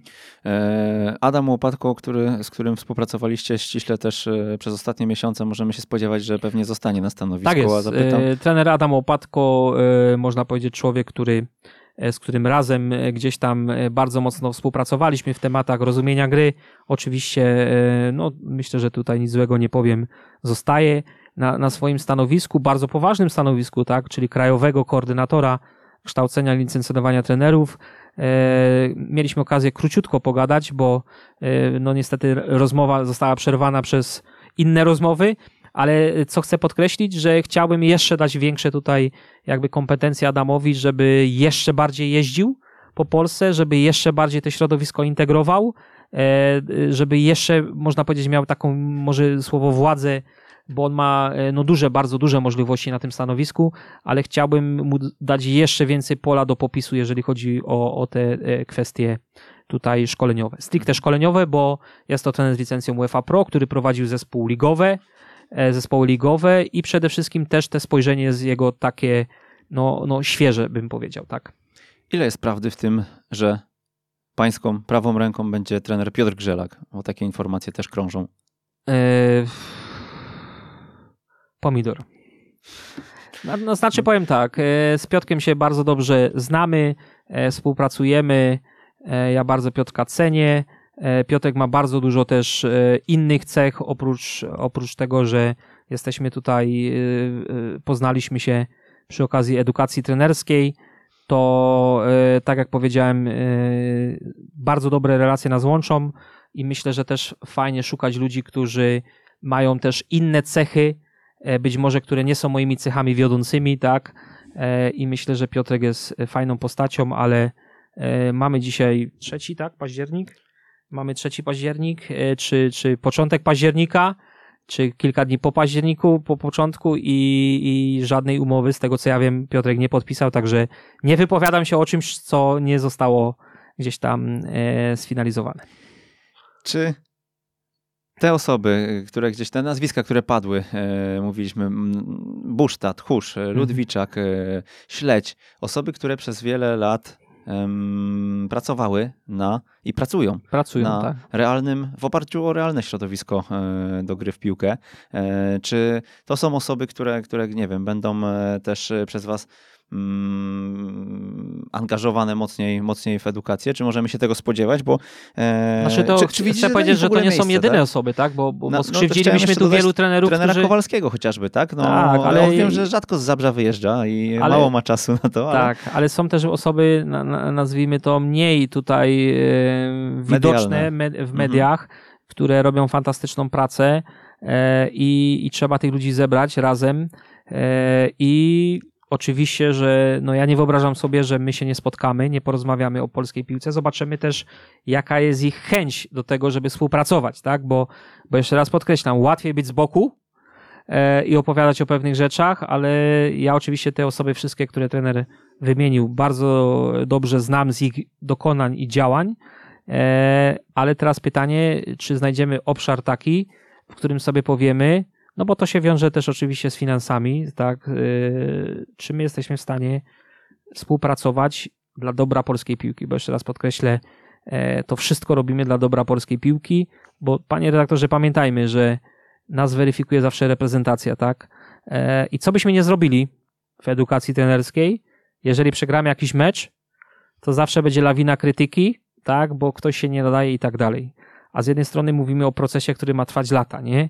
Czyli mówimy o Żaku, który przychodzi w wieku 8 lat do klubu i on ma być za 10 lat potencjalnym kandydatem na reprezentanta Polski, nie? I teraz proszę zobaczyć, mówimy o procesie i tak najłatwiej mówić, nie? Bo ja powiem, no to co z tego, jak to będzie dopiero widoczne za 10 lat, ale z drugiej strony myślę, że możemy zrobić bardzo szybki krok jakościowy w wielu aspektach, które być może e, nie wyglądały, te standardy nie były wysokie. Aspektach oczywiście stricte szkoleniowych. Filipina i Szymon na Twitterze. Czy trener może stracić licencję i w jakiej sytuacji? Czy zamierza trener weryfikować trenerów? E, jaka jest strategia? E, a to już coś innego, to już to pominiemy. E, to, to w takim razie, czy trener będzie mógł stracić licencję, czy będzie... Znaczy to jest tak, że jeżeli coś się wydarzy takiego no już bardzo skrajnego, to oczywiście jest komisja dyscyplinarna, tak? W każdym wojewódzkim związku, oczywiście w, w Polskim Związku Piłki Nożnej też jest taka komisja, która, która tutaj może trenerowi no, zabrać wszelkie możliwe uprawnienia. E, ja nie ukrywam, że trzeba się też na tym tematem pochylić, bo być może możemy trenera edukatora, tak, jeżeli będziemy mieć pewność, że to są ludzie kompetentni, uczciwi i lojalni i którzy mają wiedzę i, i wszelkie narzędzia do tego, żeby e, być w tych aspektach szkoleniowych topowymi ludźmi, to być może możemy zwiększyć ich kompetencje do tego, żeby troszeczkę e, też wpłynąć na ten proces, tak? Czyli jeżeli ja jestem na meczu, e, jadę gdzieś sobie zobaczyć mecz trampkarzy i widzę, że tam trener się zachowuje fatalnie, tak, to być może ktoś może mieć uprawnienia do tego, żeby na przykład skierować go na doszkalanie, tak jak z prawo jazdy, tak jak popełnisz troszeczkę błędów, dostajesz dodatkowe punkty i, i przez pewien czas tej licencji nie masz. Także myślę, że tutaj i tu właśnie to, co powiedziałem wcześniej, konwencja UEFA-owska daje nam pewną autonomię w rozwiązaniach, tak? Ona, ona, ja to mówię tak jak na boisku. Cel gry jest jeden, poprawa jakości szkolenia, ale jakimi ty to narzędziami zrobisz, to, to są tu pewne też y, działania, które możemy my nowa, w sposób taki nowatorski wprowadzić i myślę, że też się na tym pochylić chcemy, ale panie redaktorze, nie pan zobaczy, no wiele wątków, nie? Y, podnosimy, a mówimy, mówimy o tym, o dwóch tygodniach mojej pracy, nie? Dlatego na razie y, chcemy zrobić coś, co już trenerzy zauważą, dlatego zacząłem od tego, żebyśmy już spróbowali coś tym trenerom dać. Zbliżamy się do końca naszej rozmowy. Mm, czy powie pan, mm, powie pan wprost, że przez ostatnie lata jako polskie środowisko szkoleniowe kluczyliśmy? Błądziliśmy? Trudne pytanie. Co tak trochę zabrzmiało jak 8 sekund Lewandowskiego. no, trudne pytanie. Wie pan dlaczego? Bo yy, co znaczy polskie środowisko trenerskie, tak? No, yy, ja błądziłem. Ja błądziłem. Mogę powiedzieć o sobie. Ja błądziłem i chciałbym, żeby ludzie, którzy będą na moim miejscu, którzy skończą grać w piłkę i będą chcieć być trenerami, czy po prostu będą yy, mieli marzenia związane z trenerką, żeby im to ułatwić i żeby oni nie błądzili. Ja błądziłem, E, i być może ci ludzie, z którymi pracowałem, te roczniki, które wypuszczałem do piłki seniorskiej, być, mo być może mogli wejść na wyższy poziom. Już niestety tego się nie dowiem, a chciałbym mieć taką pewność, żeby trener e, stworzył im lepsze środowisko i, i myślę, że na tym się skupmy. A tak, tak, to zostawmy te pytanie dla innych. Jakie na dzień dzisiejszy książki poleciłby Pan naszym słuchaczom? Ta lista na pewno e, się zmieniła mm, w ostatnich e, latach. E, takie pięć tytułów. Panie redaktorze, powiem szczerze, nie jestem przygotowany do tego, żeby precyzyjnie powiedzieć nazwy, bo to są nazwy no nie, nie, nie polskich książek. Ja mogę powiedzieć tylko, że na pewno jest to porównanie periodyzacji taktycznej do treningu strukturalnego E, i tu Malo, e, tak, napisał tą książkę w języku angielskim. Ona w tamtym e, roku pojawiła się w takiej wersji troszeczkę uaktualnionej. Jest to bardzo ciekawe porównanie dwóch myśli, tak, można powiedzieć śmiało portugalskiej i hiszpańskiej. To jest na pewno ta literatura. Chciałbym też powiedzieć o wszystkich książkach dotyczących tego, jak nabywać umiejętności, tak. Jest, jest książka o podejściu opartym na ograniczeniach, tak, i tutaj jest, jest wielu autorów. Jest książka o nabywaniu umiejętności ruchowych.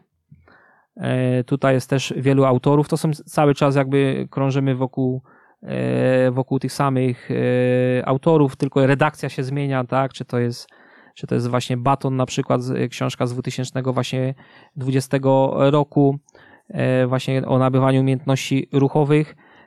I ja bym polecił trenerom właśnie, żeby poszli też w tym kierunku, bo to są książki, no niestety teoretyczne, ale proszę mi wiedzieć, ja, ja, ja podam przykład z takiej pozycji właśnie Batona z 2020 roku pod redakcją jego osoby. E, I tam jest e, takie zdanie, e, właśnie, które mówi tak: ograniczenia są po to, żeby zachęcać do działania. Czyli wszelkie i ten. I proszę zobaczyć, jak wtedy, kiedy ja to czytałem, jak mi to ułatwiło robotę, jeżeli chodzi o tworzenie środków treningowych, nie? Że ograniczenia są po to, żeby zachęcać do działania, tak? Mhm. E, że od 2019 roku doczytałem w tej książce e, podejście oparte na ograniczeniach e, jest stosowane już jako interwencja trenerska, tak? Czyli mówimy tu już o tych sprawach coachingowych, czyli ogranicz środowisko najpierw, zanim ograniczysz zawodnika, nie? I to są książki, E, Ian Renshaw właśnie, który tutaj też jest redaktorem tej, tej książki w podejściu opartych na ograniczeniach, w których możemy takie pojedyncze zdania wychwycić. I dla mnie te zdania to jest ta woda na młyn pod kątem praktyki. Nie? I gdybym tego nie przeczytał, nie przetłumaczył, no to tak naprawdę to, to pewnie byłbym dzisiaj w innym miejscu, bo tam nie ma słowa o rozumieniu gry, bo to są ludzie, którzy absolutnie nie wywodzą się z piłki nożnej, nie mają pojęcia o tym, ale same podejście oparte na ograniczeniach, tak?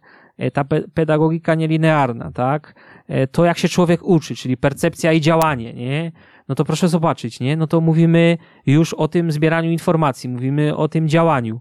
Czyli to wszystko się tam pokazuje, tylko to trzeba wychwycić, tak jak ten zawodnik, trzeba wyłapać te naj, najbardziej kluczowe informacje i, i działać, nie? I, I myślę, że te pozycje właśnie E, tutaj e, są e, szczególnie dla mnie takie istotne, czyli te trzy bym wymienił. Pan redaktor to już tam dobierze no, precyzyjnie. To tak, tak bo, to, bo, to, bo to tak jak mówię, to są wszystko oczywiście pozycje w języku angielskim i, i na tych trzech bym się skupił. A widziałem tutaj u Was wiele, wiele książek. Wiem, że tu trenerzy byli zawsze przygotowani i wymieniali, wymieniali te książki. Dla mnie te te trzy książki były kluczowe w tym, co udało się to, e, co udało się napisać właśnie w książce Rozumienie i nauczanie gry. Napisałem um, duży reportaż na temat e, trenera i um, wydzwoniłem e, no, całe środowisko chyba e, Pawła Grycmana. Um, no i tak, e, pracowitość i ambicja to były słowa, które padały. Okej, okay, ale panie redaktorze, może nie rozmawiajmy o mnie, bo y, myślę, że kto chce, to sobie zawsze doczyta. Mówmy o, o tym, co możemy zrobić, żeby w Polsce było lepiej. Nie? To na koniec, skąd ta ambicja? Z tego, że zawsze piłka nożna była dla mnie czymś, e, e, no, no, teraz musiałbym, moja żona nie może słuchać najważniejszym, tak, ale e, oczywiście do momentu, kiedy pojawiła się kobieta mojego życia, piłka nożna zawsze była dla mnie najważniejsza i proszę, ja zawsze taką jedną sytuację podam tylko na koniec. Ja zawsze do tego podchodziłem tak, że na przykład koledzy poszli na dyskotekę, to ja byłem biegać, bo mówię, ja będę teraz miał przewagę w stosunku do nich, bo będę bardziej wydolny, a oni, oni będą pijani i ich parametry spadną, nie? Tak oczywiście żartując, ale gdzie mnie to doprowadziło? Doprowadziło mnie do tego, że, że na Cooperze pobiegłem 3600 metrów, czyli zrobiłem fantastyczny wynik, że praktycznie w każdej drużynie, e, w której funkcjonowałem, byłem najbardziej wydolnym zawodnikiem. Gdzieś to tam chyba też Grzesiek Mokry e, podkreślił, czy, czy, czy Artur, czy, czy Damian. E, I, i, ale do czego też mnie to zaprowadziło? Że miałem kontuzję z tego powodu. Bo po pierwsze, biegałem zbyt wolno na początku, czyli aktywowałem te włókna wolno kurczliwe. Po drugie, biegałem w złym obuwiu, na twardym, e, na twardej nawierzchni, a po trzecie nie biegałem na boisku, nie? Czyli ta, ta, ta, jakby te skurcze mięśniowe zupełnie nie oddawały specyfiki piłki nożnej. I proszę zobaczyć, jaki fajny morał e, z tego wychodzi na koniec że ta ambicja zaprowadziła mnie do, do czegoś, ale jednocześnie brak wiedzy doprowadził mnie do tego, że z tą piłką bardzo szybko musiałem skończyć, tak? Bo ta chrząstka stawowa gdzieś tam się ścierała cały czas i łękotka od 15 roku życia nie była w tym miejscu, gdzie powinna, czyli nie pełniła tej funkcji ochronnej. I ja o tym dopiero wiem po studiach.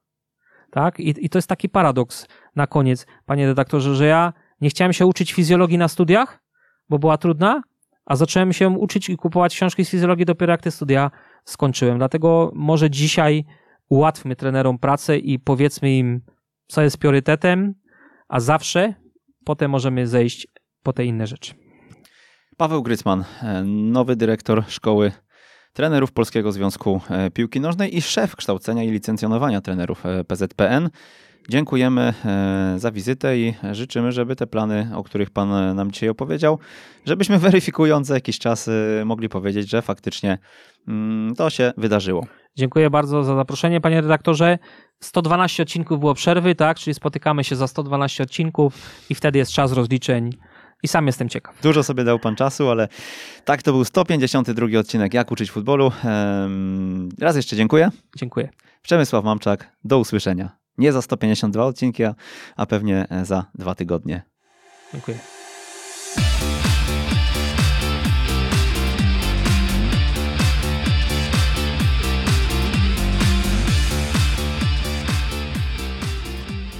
Na audycję zaprasza Tymbark, główny sponsor turnieju z podwórka na stadion o Puchar Tymbarku.